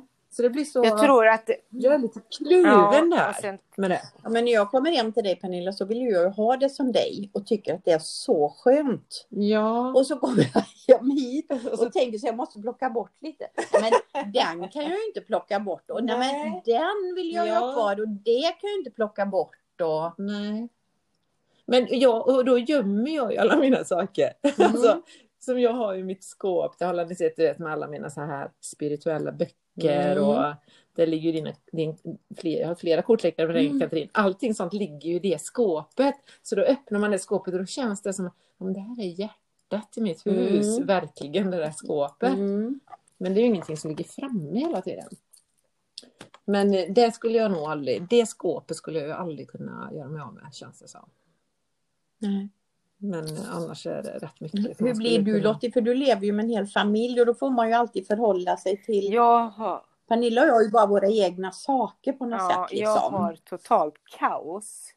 Eh, Mm. tur. Kurt Kjellman sa att kaos är granne till kosmos. Nej men jag har Ja. alltså, nej, men jag, jag, jag, ja, jag har rätt mycket. Jag har inte, jag har fått acceptera det. Det är liksom en, en form av surrender. När man inte, Mm. jag håller inte på att lulla så mycket med illusionen. det är runt mig. Eh, utan det har varit, mitt liv det har varit att jag vill fokusera så mycket som, jag älskar vackert, jag älskar att komma till dig och jag älskar, och jag älskar när det är perfekt. Jag hade ett hotell i Malmö som jag alltid bodde på. Så flyttade de några soffor och bytte, upp, bytte bort kopparna och det blev nya ägare. Alltså då har de förstört hela energin. så där kan jag Ja. störa mig så det blir Ja. svårt. Nu kan jag inte bo där längre. Så visst, så vi, Nej. Nu gör eh, Katrin vatten i vattenkokaren här och det kommer säkert låta jättemycket i inspelningen här sen. Så vi förklarar för lyssnarna vad det är som låter nu i en sekund. Så att, men så det, Men, så att det eh, har ja. blivit att... Eh, eh, ja, alltså jag, eh, ja, men jag har sagt så här barn och så det ändrade sig och så... eh, Ja, så ja, det, så det är som det är liksom. Mm. Jag, jag, Mm. jag vet när jag åkte runt jorden och hade kurser och då man fick hotellet så sa vi vi får alltid bästa rummet. Och det var ju vilket jädra rum det än var. För, för att Ja. eh, processen, jag var lite nördig då alltså, kan jag säga.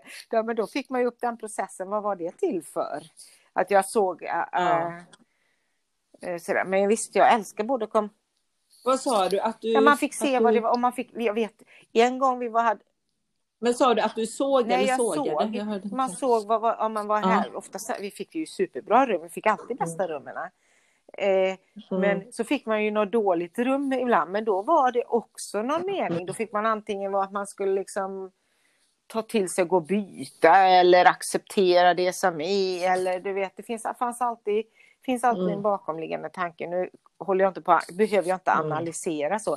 För självklart skulle jag behöva göra som er. Jag får bjuda in er och så får vi rensa utav helsike här. Men som det är nu så, så är det, Men- ja, det får vara så så länge. Men så tänker jag, det är ju så lite när man har det som intresse med design och inredning och så, då blir det ju det blir ju annorlunda på något sätt, ens hem Ja. då, tänker jag. Och sen blir man så himla nördig, eller jag vet inte, jag kan ju vara så här, jag kan bli så oerhört kräsen exempelvis om man ska boka hotell, var man än bokar Ja. hotell i världen. Då vill man ha det här mm, jätteschyssta hotellrummet eller hotellet. Och blir det inte det här perfekta så som man tror att man vill ha det, eller som man känner att man vill ha det, så ser man bara de här sakerna som man inte ville skulle vara bara. Alltså jag Mm. istället, då kan, jag, då kan jag hellre bo på en bed and breakfast som är lite halvtaffligt än, Ja. än ett dåligt lyxhotell, eller vad man ska säga, som, som inte är snyggt in i minsta detalj. Det är en, det är en yrkesskada och det, Mm. Det är, jag vet inte. Du, har du något sånt Katrin? Tänker jag som jobbar med lite sånt. Men sådana grejer. Ja, ja. med, med på tal om, som du säger Lottie, att man analyserar sig själv lite och varför och hur man tänker kring olika saker om hur man är och vilka miljöer man är i och så. Nej, men jag möblerar ju om hotellrum och när jag inte kan liksom sängen stå bra eller Ja, men jag gör ju sånt Ja, och vill göra mysigt och sådär. Men vi med. ju Flytta på varit... kuddarna lite. Ja. och jag har med mig en massa fina saronger som jag lägger på fula Ja. soffor och Ja. sånt bara så att det ska vara lite fint. Och, Ta bort de här fula överkasten Ja, som en del ja, har precis, och bara ja. gömmer den i ett Ja, skåp. ja, och man precis. får vita lakanen. Det kan jag säga, det gör inte jag. men vi har ju varit jättemycket i Grekland och det är ju liksom hej baberiba. För Ja. är det något jag älskar i Sverige va, så är det standard. Standardmått. Ja. 40, 60, Ja. 80 skåp. Mm. Allting, du köper ett kylskåp som går in och det är ju väldigt få länder. Nu är det mycket Mm. så sen Ikea kom faktiskt i världen att de tänker lite annorlunda och Ja, får in ja. jättebra kök. Men annars är ju det liksom en diskho och så är det ett skåp som en dörren trillar av på där det står lite porslin. Ja. Och sen är det liksom Så. ett draperi till grytorna under någon, Ja. något bord och, Ja. och liksom sådär. Och, och det kan vara liksom att man inte får upp ytterdörren för sängen. Ja, de hade inte tänkt på det när de skulle ha en dubbelsäng. Alltså sådana grejer. Nej men det är så så... fascinerad. att En gång hade vi så vi fick gå liksom över sängen varje gång man skulle in på toaletten eller Ja. Ja, och, och, och då är jag så fascinerad och sen klarar jag av att bo där när man betalar 250 kronor natten för två personer och så. När man, vi har luffat runt i Grekland, bara det är rent då. Ja. Jag är så fascinerad över Men att, jag- inte, men att de du- inte tänker när man bygger att här är rummet, här ska vi få in en dubbelsäng. Och då Ja. måste man kunna gå runt sängen för att komma in på i badrummet. Sådana Ja. grejer är jag fascinerad över. Men betalar jag dyrt och får ett dåligt hotellrum, då, då är jag inte rolig att tas med. Nej men så blir jag med. Mm. Alltså, då ska det vara bra, då ska det vara bra in i minsta detalj. Ja. Men jag vet, det är lite när du säger det, för jag vet inte hur många skitsnygga paradvåningar som vi tittade på i centrum i Barcelona. Det jag, när vi planerade att flytta dit. Så var vi runt och tittade på så många, de är ju så vackra, Mm. de här gamla våningarna och de här fina gamla kaklet som är liksom eh, som marockansk kakel på golven som de har mycket i våningarna där. Men då är köken, alltså köken och badrummen är förfärliga. Mm. Jag tror inte vi var inne i, alltså, och då pratar vi riktigt schyssta, mitt i mitt i bra, bra lägen. Där de inte hade, och då hade de kanske renoverat, där de tyckte sina mått med ett lyxigt fint kök. Mm. Alltså det, men då är det, alltså det är ungefär vad vi skulle placera en toalett utan fönster, så placerar de sina kök. Mm. Och badrummen är ju lika små. Och sen är rummen helt fantastiska. Mm. Så jag var så här, man kan inte ha, man kan inte ha en våning och inte ha ett kök ordentligt. Behöva gömma sig som i en garderob. alltså, det är jättekonstigt. Mm. Hur tänk, Men hur, äter inte liksom- de mycket ute? Jo, det är det jag tänker. Det kanske har med klimatet att göra. Att de mäter ute och det är ljus ute året runt och man sitter ute och man Mm. äter frukost, lunch, middag. Umgås ute och Mm. lever på ett helt annat sätt. Här umgås vi ju i köket hemma i Ja, Sverige. ja, liksom, kring Så hade jag när jag bodde på Katarina Mm. Barngatan i Stockholm. Då var det pyttelite kök, men då käkade jag alltid ute. Så då Mm. hade jag inget behov av det. Så fick jag bättre kök på Kocksgatan Nej. sen och lite bättre lägenhet och sådär. Men, men jag tror det är lite storstad och att var man hur... Ja, men vi springer kanske inte på restaurang på samma sätt om man inte bor i en stad då. Nej. Nej. Men jag Men, fick ju ja. min fina lägenhet i Stockholm, ett förstahandskontrakt bara så där som kom till mig. Utan övertag och i allting. Och den var ju bara en etta på 30 kvadrat. Men den var så fin. Med så här runda fönster och djupa nischer och 3,60 i taket. Och köket var en kvadratmeter på golvet och 3,60 Ja, ja, i ja. taket. Så det var ju, och inget fönster. stort ändå kanske. Ja, det var ju luftigt på något sätt för det var ju bara i- för en person kom in i köket. Och så en liten gasspis med två små plattor och en pytteliten diskho. Ja. Och så. Men det var som en hisstrumma man gick in i. Men det var ändå så jädra läckert för lägenheten var så fin. Ja. Men det köket är det minsta jag har sett alltså. Mm. Men det var Nej, jättefint. men, ja. Nej men det är nog som du säger Lotte, eller lite så, hur umgås man, hur lagar man mat? Men då tänker jag så här, för det var ju anledningen till att vi aldrig valde någon lägenhet just då. Det var för att vi hittade ju aldrig någonting som vi kände att men det här köket och badrummet var ju faktiskt okej till det här. Mm. Så att, eh, men ehm, ehm, men hur roligt är det för kvinnorna, tänker jag då, en sån kultur, att behöva stå och laga mat, om man nu lagar mat hemma någon gång. I, gömma sig Ja. i ett litet hörn någonstans. Liksom. Mm. Men det var nog så. Kanske förr också när de har sådana paradvåningar, kanske jungfrukammare och så var det, hade man tjänstefolk och sådana jätte... Jo, men även Ja. de våningarna man var inne i som var renoverade. Ja. Vet, det kunde vara supermodernt, vet, high-tech kitchen. Ja. Fast i liten skala. I, ett- i ett mörkt Jaha, rum. okej. Då hade de liksom inte tänkt om där och gjort det Mm. i ett större... Kunde man ju använt ett rum och gjort i köket. Mm. Nej, nej, nej, nej. Nej, det finns inte. Eller inte då, för några år sedan Mm. i alla fall. Det kanske är ändrat nu. Ja, men så, jag tycker det är så nästan utomlands i varmare ställen. Men det- men just- faktiskt. Mm. Att köket är nog väldigt eh, typiskt Jag vet, vi var på. Hawaii i, jag kommer inte ihåg om det var tre eller en månad, tre veckor eller en månad. Men det är ju mycket också upplevelsen som skapar boende tycker jag. Den här eh, fina gemensamma, vi hade ett stort Mm. kök och vi lagade mat ihop. Men det var ju kackerlackor, fick man jaga kackerlackor och det var, du vet sådär. Ja. Men det var ändå, många gånger när man bor i det är också upplevelsen man får tillsammans. Vi var där en jul och Ja. Ja. över jul och nyår. Och... Ja, men alltså den där härliga gemenskapen och så, som skapar ett minne Mm. för livet. Nej, Kackerlackorna det, du, som man de kommer ihåg. man inte ihåg.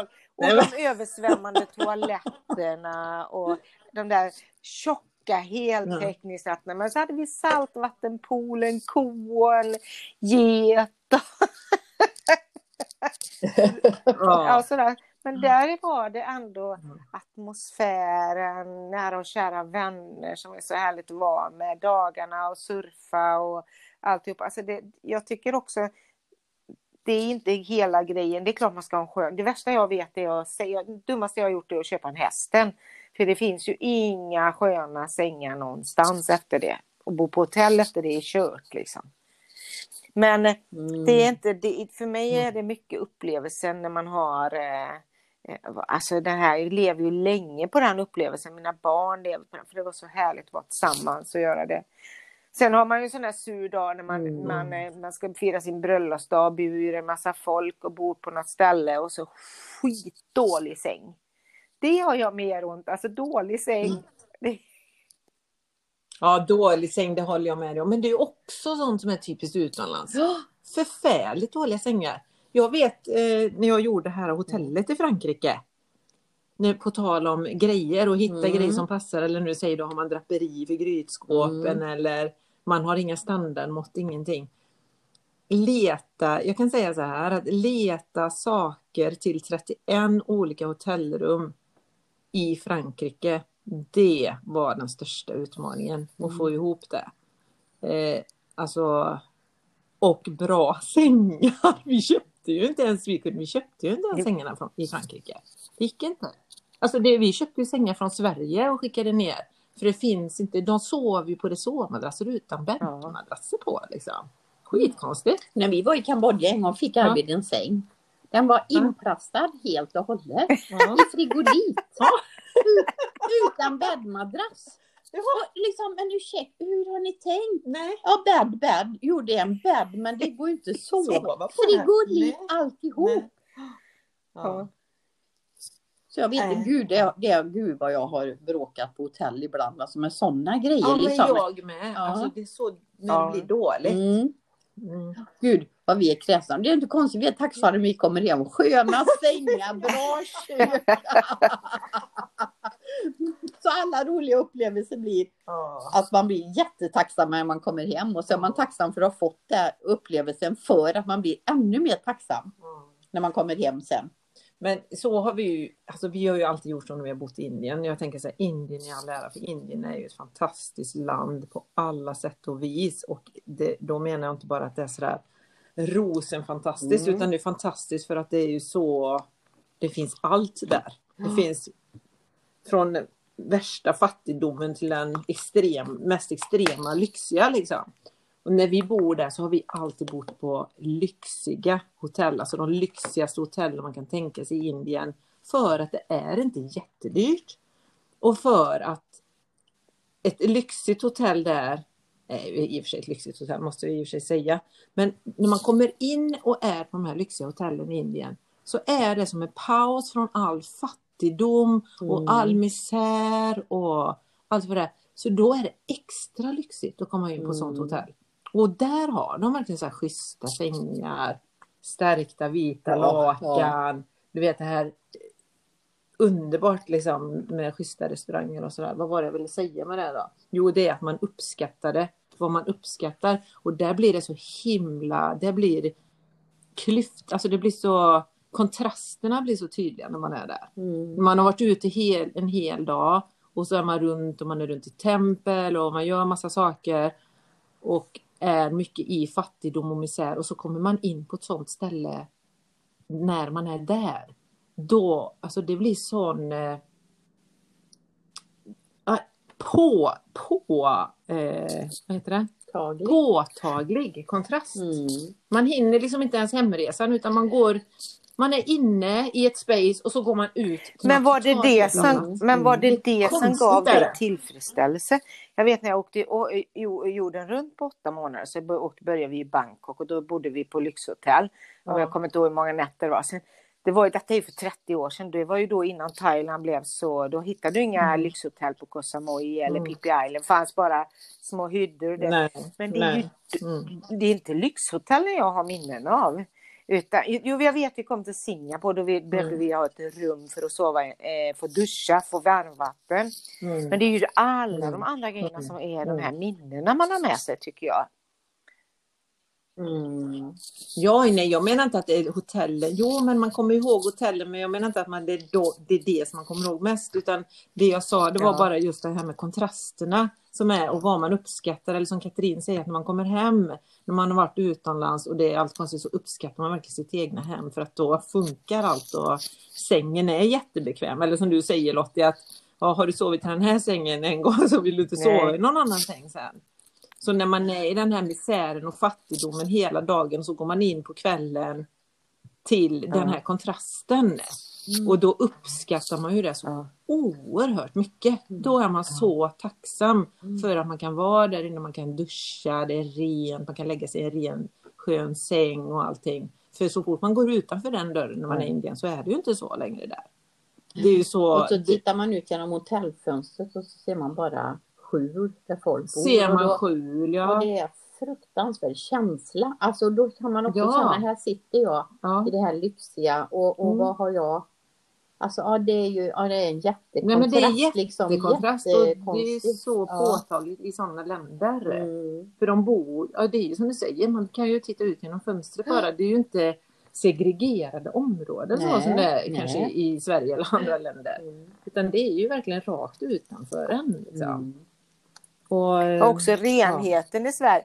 Nej, det är väldigt konstigt. Det är väldigt konstigt. Renheten här, jag vet Ja, bara, det du, räcker ju bara att åka till Spanien hur välordnat och det ligger inga sopor på väg. London var ju också jätte, Mm. kunde ju vara skitmycket sopor på vägarna och, eller längs med vägarna eller trottoarerna. Mm. Och vi har ju en väldigt fin organisation, städat och fint. Men, Det är inget- men, ja, Det är inget kul när det är sopstrejk i New. York kan jag säga. nej. Det, det bärgar nog upp ganska snabbt. Ja, och råttor och ja. Ja, Ja. Men jag tänkte när du sa Lottie, för du, när du varit i Singapore och så. För Singapore är ju verkligen extremt. Det måste ju vara det. Det är det renaste landet jag har varit i hela världen alltså. Mm. Där är det ju, där får man ju inte. Slänger man ut en cigarettfilm från balkongen Ja, där så får man vet, man 3000 fick- kronor böter. Mm. Alltså det finns inte ett tuggummi här hemma så om man tittar på asfalten man går hemma så är det tuggummin överallt Mm. och prickar. Det tänker man ju inte på. Men där det finns inte, det finns inte ett tuggummi på gatan på asfalten. Hur kommer det Ingenting. sig att det landet är så rent? Eller Ja, hur? men de har väl det i sin kultur tänker Mm. jag men de har ju också extrema böter. Men Ja, är det så över, är det inte bara Alltså, där de, eh, organiserat då? För man kommer lite och, ut på, och utåt. Eh, att det, ja, eller inte landet, men På alltså landet. Chinatown. Alltså det, vi var på någon svart Singapore. i Singapore. Där var det inte riktigt likadant. Men när man var inne i stan eller vad man nu, vi kommer inte ens ihåg vad det heter. Men där var det ju mer ordnat och, och var precis, då reagerar man ju på att det var så jävla rent. Ja, det- Men just det de är här matmarknaderna och det. Men jag vet inte, jag kan ju tycka, när man, även när man är ute i, i det här in, Indian town heter det inte, jag vet inte vad den heter, men den indiska delen, alltså olika delar i Singapore så är det ju Ja. fortfarande väldigt, väldigt rent i förhållande till vad det är, måste jag säga. Ja, det är länge sedan jag var där. Ja, eller just man pratar om kontraster och det är ju men sen om man ska börja prata om, om fattigdom då och misär och så, för så är det ju verkligen i Indien. Det är ju barn, alltså barn går ju där på gatan och t-shirt på överkroppen och inga underkläder och går runt bland sopor. Och, Mm. Alltså det är ju det är ju fruktansvärt men det är också det som är den här spirituella andliga utmaningen tror jag med att vara och åka till Indien. Det är ju att man måste på något sätt stänga av. Mm. Man måste stänga av sina känslor och allting för annars klarar man ju inte av att vara där. Jag tänkte första gången jag var i Indien tänkte jag aldrig mer. Nej. Alltså jag var ju tvungen att åka dit på grund av mitt jobb flera gånger då. Ja. Och då upptäckte jag andra saker. Mm. Väldigt fin gemenskap i många familjer som bodde i hyddor. De satt utanför och tvättade sig i sin lilla balja med en tvättlapp och de Mm. satt och drack sitt te och, och så Mm. såg jag en Ja det var ju romantisk sida menar jag inte för det kan inte vara så jävla romantiskt att sitta men jag såg något annat fint också. En Mm. sammanhållning och så. Men det är klart det är ju inte skitkul när man kommer jättetidigt på morgonen och det ligger folk packade som bor på alla refuger och Nej. alltså det är fruktansvärt. Mm. Mm. Mm. Ty, eh, tycker vi och då tänker man Ja. så här hur mycket lider de egentligen? För det är ju Mm. det man pratar om då Mm. i, i, i det andliga perspektivet, det här lidandet. För det är ju lidandet som gör att man som människa mår dåligt Ja. ofta. Ja. Och lidandet, om inte det är en fysisk smärta så tar det ju alltid plats i ens mind och när man jämför sig. Mm. Kanske med Ja, är det inte vi som äter mest psykafarmaka Så, i men det är ju världen? inte... Eh, vad var är Vad sa du? Jag kommer inte ihåg om det var självmord eller om det var mest psykafarmaka, att vi mår sämst bland de sämsta i världen här i Sverige. Ja, Mm. så om man ska gå tillbaka till det jag sa då, så här, här sitter vi nu då, Mm. Katrin och jag, själva, bor i våra hus och tycker att vi har det så bra för att man inte vill släppa in Mm. kanske vad som helst eller hur som helst. När det kanske egentligen är det enda som är i livet, att det är den här gemenskapen och kärleken som är viktig i grunden. Mm. Oavsett var man bor och hur man bor. Mm. Om man inte, för det, för det är väl ändå konkretiserat och bevisat att de allra, allra, är man riktigt, riktigt, riktigt fattig då lider man verkligen. Men man ja, behöver lider inte man ju också komma... av hunger också. Och det är Precis, ju ett lidande. det är ja. ju när man är hungrig. Men om Mm. man har mat för dagen och kommer ett litet steg högre upp på den Mm. här, är det Pavlos behovstrappa eller vilken är det man brukar säga, så då, då finns ju inte det. Då, alltså då kan ju människor vara lyckliga i alla segment. Mm. Liksom. Mm. Mm. Så att, ehm, ja, vi, vi är mycket välfärd här. Mycket gillavsproblem. Ja. Jag tycker att alla ska få ha det bra och vara lyckliga Mm. i själen. Liksom. Absolut. Och det hjälper ju inte, det hjälper ju inte att jag själv, eller om man åker till Indien så hjäl- det hjälper inte mig själv att jag bor ute på gatan. Men de som bor på gatan, de får ju inte det bättre för att jag har satt mig själv i en misär. Mm. Man får ju försöka hjälpa på andra sätt. Men jag har, vi har ju en vän som, har, som bedriver ett eh, sån här orphanage, vad heter det? Eh, typ barn, eh, ett hem för föräldralösa barn. I eh, Indien, i Rishikesh utanför där. Eh, hon är amerikansk. Hon var en fotomodell från USA för många, många år sedan. Hon reste till Indien som ung med sin pojkvän. Och så hände det någonting som gjorde att han hamnade i fängelse när de var där. Det fanns inga mobiltelefoner, inget internet eller någonting när de reste då. Hon är ju, hon måste ju vara 70 nu ungefär. Eh, så hon, och hennes pengar tog slut. Och han satt i fängelse där. Och hon kom inte hem. Och hon försökte, tele, man telegraferade ju på den tiden och så. Så de enda som tog hand om henne då, det var de som var allra fattigaste som bodde i slummen. Så hon bodde i slummen där i, jag tror i ett års tid eller någonting. Och hon sa att det, den tiden var helt fantastisk, eller som du säger Katrin, Mm. hur man tog hand om varandra där. Och efter det så återvände inte hon till USA. Utan då startade hon det här äh, barnhemmet då, som hon har drivit i alla år för att hon vill hjälpa de fattiga människorna Mm. där. Så det är ju en sån här tydlig historia på där, där man ser att det Mm. det är så man vill leva och det är där man vill hjälpa och vara. Liksom, Mm. Och hur fel man kanske har levt innan. Liksom. För det var där hon fick sin hjälp. Hon fick inte hjälp av någon annan mer än hos dem som var allra fattigast. Mm. De tog bara in henne som en Så har vi väl Anna, liksom. Våra svenska Anna Mm. Wahlgren. Hon flyttade väl till Indien. Och bodde hos någon indisk familj där som blev Ja. hennes nya familj. Ja. Jag Jo, vet hon inte, det var något, jag fortfarande, såg det på det rätt länge sedan jag såg någon dokumentär om henne när hon flyttade till Indien. Och bodde i Indien och Mm. någon indisk familj öppnade upp mot henne. Mm. Mm. Ja, man, le, man, man är där man är. Alltså, Mm. det finns, Man är det man är. jag- är jag du där att- du vill vara Lotta? det tycker jag är bra med tacksamhet och nöjd. Alltså, jag tror alltså, det finns, nu Mm. kommer jag med klokboken igen, choose what you got. Välj det du har. För Mm. Att, alltid söka Mm. något annat eller vara efter, tråna efter något annat eller det, det, alltså man får kliva in och det här är det perfekta där som är. Eh, hur den är. Sen, för jag är ju sån där som Mm. gärna vill driva på och hitta på nytt hela tiden. Jag kan nästan få lite halvt ångest om jag inte varit kreativ på två dagar. Liksom. Men det är ju min, eh, tänkte säga min diagen... Ja, men... men eh, Drivkraft, det här, tänker ja, jag. Mm. att landa det i en form av mindfulness. Som verkligen att, ja men nu är jag här. Till och med min son sa det. Alltså, du måste Mm. välja det som är. Man får välja det som är för det är av en anledning och först då kan man välja igen. Först måste jag välja det val jag har valt. Sen väl... Ja, Mm. ja. Eller vara också i det du har i valt i det. alla fall. Att Mm. eh, okej, nu är det så här.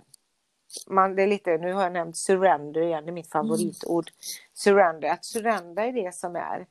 Och visst, Mm. jag, inte fasen hade jag tänkt mig att mitt liv skulle bli så här. Som jag sitter idag. va. Nej. Men jag tänker så här, för du är ju också så här, du har ju varit inne så här på Hicks, Abraham Hicks ju också. Och då tänker jag så här, för man väljer ju hela tiden själv sitt liv genom det man föreställer sig och det man vill och det man tror på. Och så kommer det ju hända att det finns där hela tiden. Men om du tittar tillbaka Lottie, i dina önskningar och tankar för några år sedan, är du, har du hamnat där du vill vara så som du tänkte då? Jag är ju alltså, Om du tittar i backspegeln. Nej, Har det men tagit alltså jag, dig där dit har jag nog kanske det som är problemet. För jag har aldrig haft några stora önskningar. Jag har aldrig varit intresserad av materiella saker, och inte min Mats heller. Vi ska inte äga... Nej, nej men jag alltså, pratar inte om materiella, jag pratar generellt vi, säger överhuvudtaget. vi, vi höll på att åka jorden runt med kurser och det var ju jättehärligt. Och Hawaii och alltihopa det här. Sen plötsligt, äh, nu ska jag, vad kan jag tänka mig göra nu? Äh, konstskola. Boom, så var jag inne på konstskola. Flyttade till Lund och gjorde konstskola. Eh, så, så jag är lite för impulsiv för att sitta och planera om tio år så ska jag ha det och, och göra wishing board och sådana saker. Det är inte riktigt, eh, utan jag är lite det här go with the flow, får jag se. Så jag tänker, ja vad ska jag göra nu? Ibland tänker jag, jag, jag gjorde faktiskt hicks först i meditation idag för jag kände mig lite låg när jag vaknade. Alltså inte låg men du vet det här inget engage, ingen lust, ingenting, energin är slut och alltihopa det. Och jag vet ju det att jag behöver bara byta sinnestillstånd så är jag inne i, i det kreativa igen. I ett flow igen. Men det, det Mm. tar sin lilla tid. Så jag både mediterar, lyssnar på Hicks idag, gjorde yoga och allt möjligt. För att komma in igen och till slut så hittar jag då Mm. eh, eh, hittar jag närvaron och, och lusten igen då. Eh, så det är ju ett litet knep på det. Men, men nej, jag, jag, jag, så här i efterhand när man tittar i spegeln så nej, så var det kanske inte det här man tänkte. Man skulle sitta i Sandared med sina gamla föräldrar och ta hand om en dement. Alltså om jag tittar på hur min livssituation ser ut. Va? Det var det kanske inte. Jag hade väl kanske surfat runt och haft stora kurser igen på Hawaii. eh, Om jag tittar så här. Men samtidigt så är jag nöjd här och nu. Jag håller på med konsten och alltihopa det här. Va? Men eh, nej. Alltså jag, jag brukar säga, jag, ska, jag sa, sa det till Mats faktiskt i veckan, jag skulle göra en Werner. Werner Erhard hette en, eh, en stor eh, andlig ledare, eller ledare förr i tiden. Han jobbade med just så här mindful, mindful, vad ska man kalla det, träna sinnet alltså. Jag tror Gurudas vet vem han var också. Eh, men han, han bara snappade, han bara bytte identitet en dag. Han bara drog ut kontakten liksom. Han lämnade till och med sin fru och sina barn. Och bytte namn. Han såg ett namn i en tidning, satte sig på ett flygplan, köpte sig ett falskt pass, satte sig på ett flygplan. Och så stod, jag vet inte om han passet inom det eller hur det var, men då såg han ett namn där, Warner Erhard. Så tog han det namnet, fixade pass och försvann alltså. Från jordens yta. Hur schysst det var mot familjen och alltihopa det här känner man. Men eh, ja, jag sa det till Mats, ska vi göra en Warner? ska vi dra? Ja, Nej, men jag menar inte lämna familjen. Man lämnar inte lämna, familj idag kanske. är väl det att lämna sociala medier, göra något annat. Eh, För mig är det liksom, ja men nu skiter vi i det här. Nu, nu har vi bott i Sandared i 17 år, nu kan vi det här. Nu, nu gör vi något helt annat igen. Nu flyttar vi till, vi flyttar inte till USA, men nu gör vi något annat. Så ibland, så ibland kan jag ha en sån tanke. Nu ska vi inte bara prata om mig. Vad säger du, Pernilla? Mm. Ja. Nej, Nej, men, och nu ska vi sluta. ja, men jag ska bara Ja. säga, jag ska Ja. avsluta för jag hade egentligen velat fråga Katrin också. Ja. Men jag måste säga att för jag är ju bra på att ha mina önskningar och mina mål och verkligen tänka vad jag vill. Så att jag någonstans så liksom, applicerar det i, i universum eller i mina tankar eller mina önskningar. Jag skickar ut mina önskningar och sen så släpper jag det. Och alltid när jag tittar, för nu tittar jag i backspegeln. Alltså det är många saker av dem som jag har velat, som jag har affirmerat. Det tycker som jag jag vi ska är ta nu nästa gång. idag. För jag- det är jättebra att, eh, cliffhanger. jag- För jag, när du säger det så, så är det ju alltid det man, man vill. Ja. Ja. Jag går i Ja. konstskola så kommer jag in där och det. Och jag vill höra Katrin också. Ska vi ta det nästa gång? Våra önskningar. Ja, det gör vi. önskningar, Ja, för nu har vi pratat. Ja. Ja, är livet så? Ja. Ja, önskningar. Ja, Ja, precis. Önskningar lagom att ta till jul. Ja. ja, men då får Ja, vi tack. tacka för oss idag. Tack Lottie och tack Pernilla. Ja, tack för Ja. mig. Jag är jättetacksam Tack. för att ha er. Kram och hej. Ja. Samma Tack. här. Ja, Hej, Kram, kram. kram.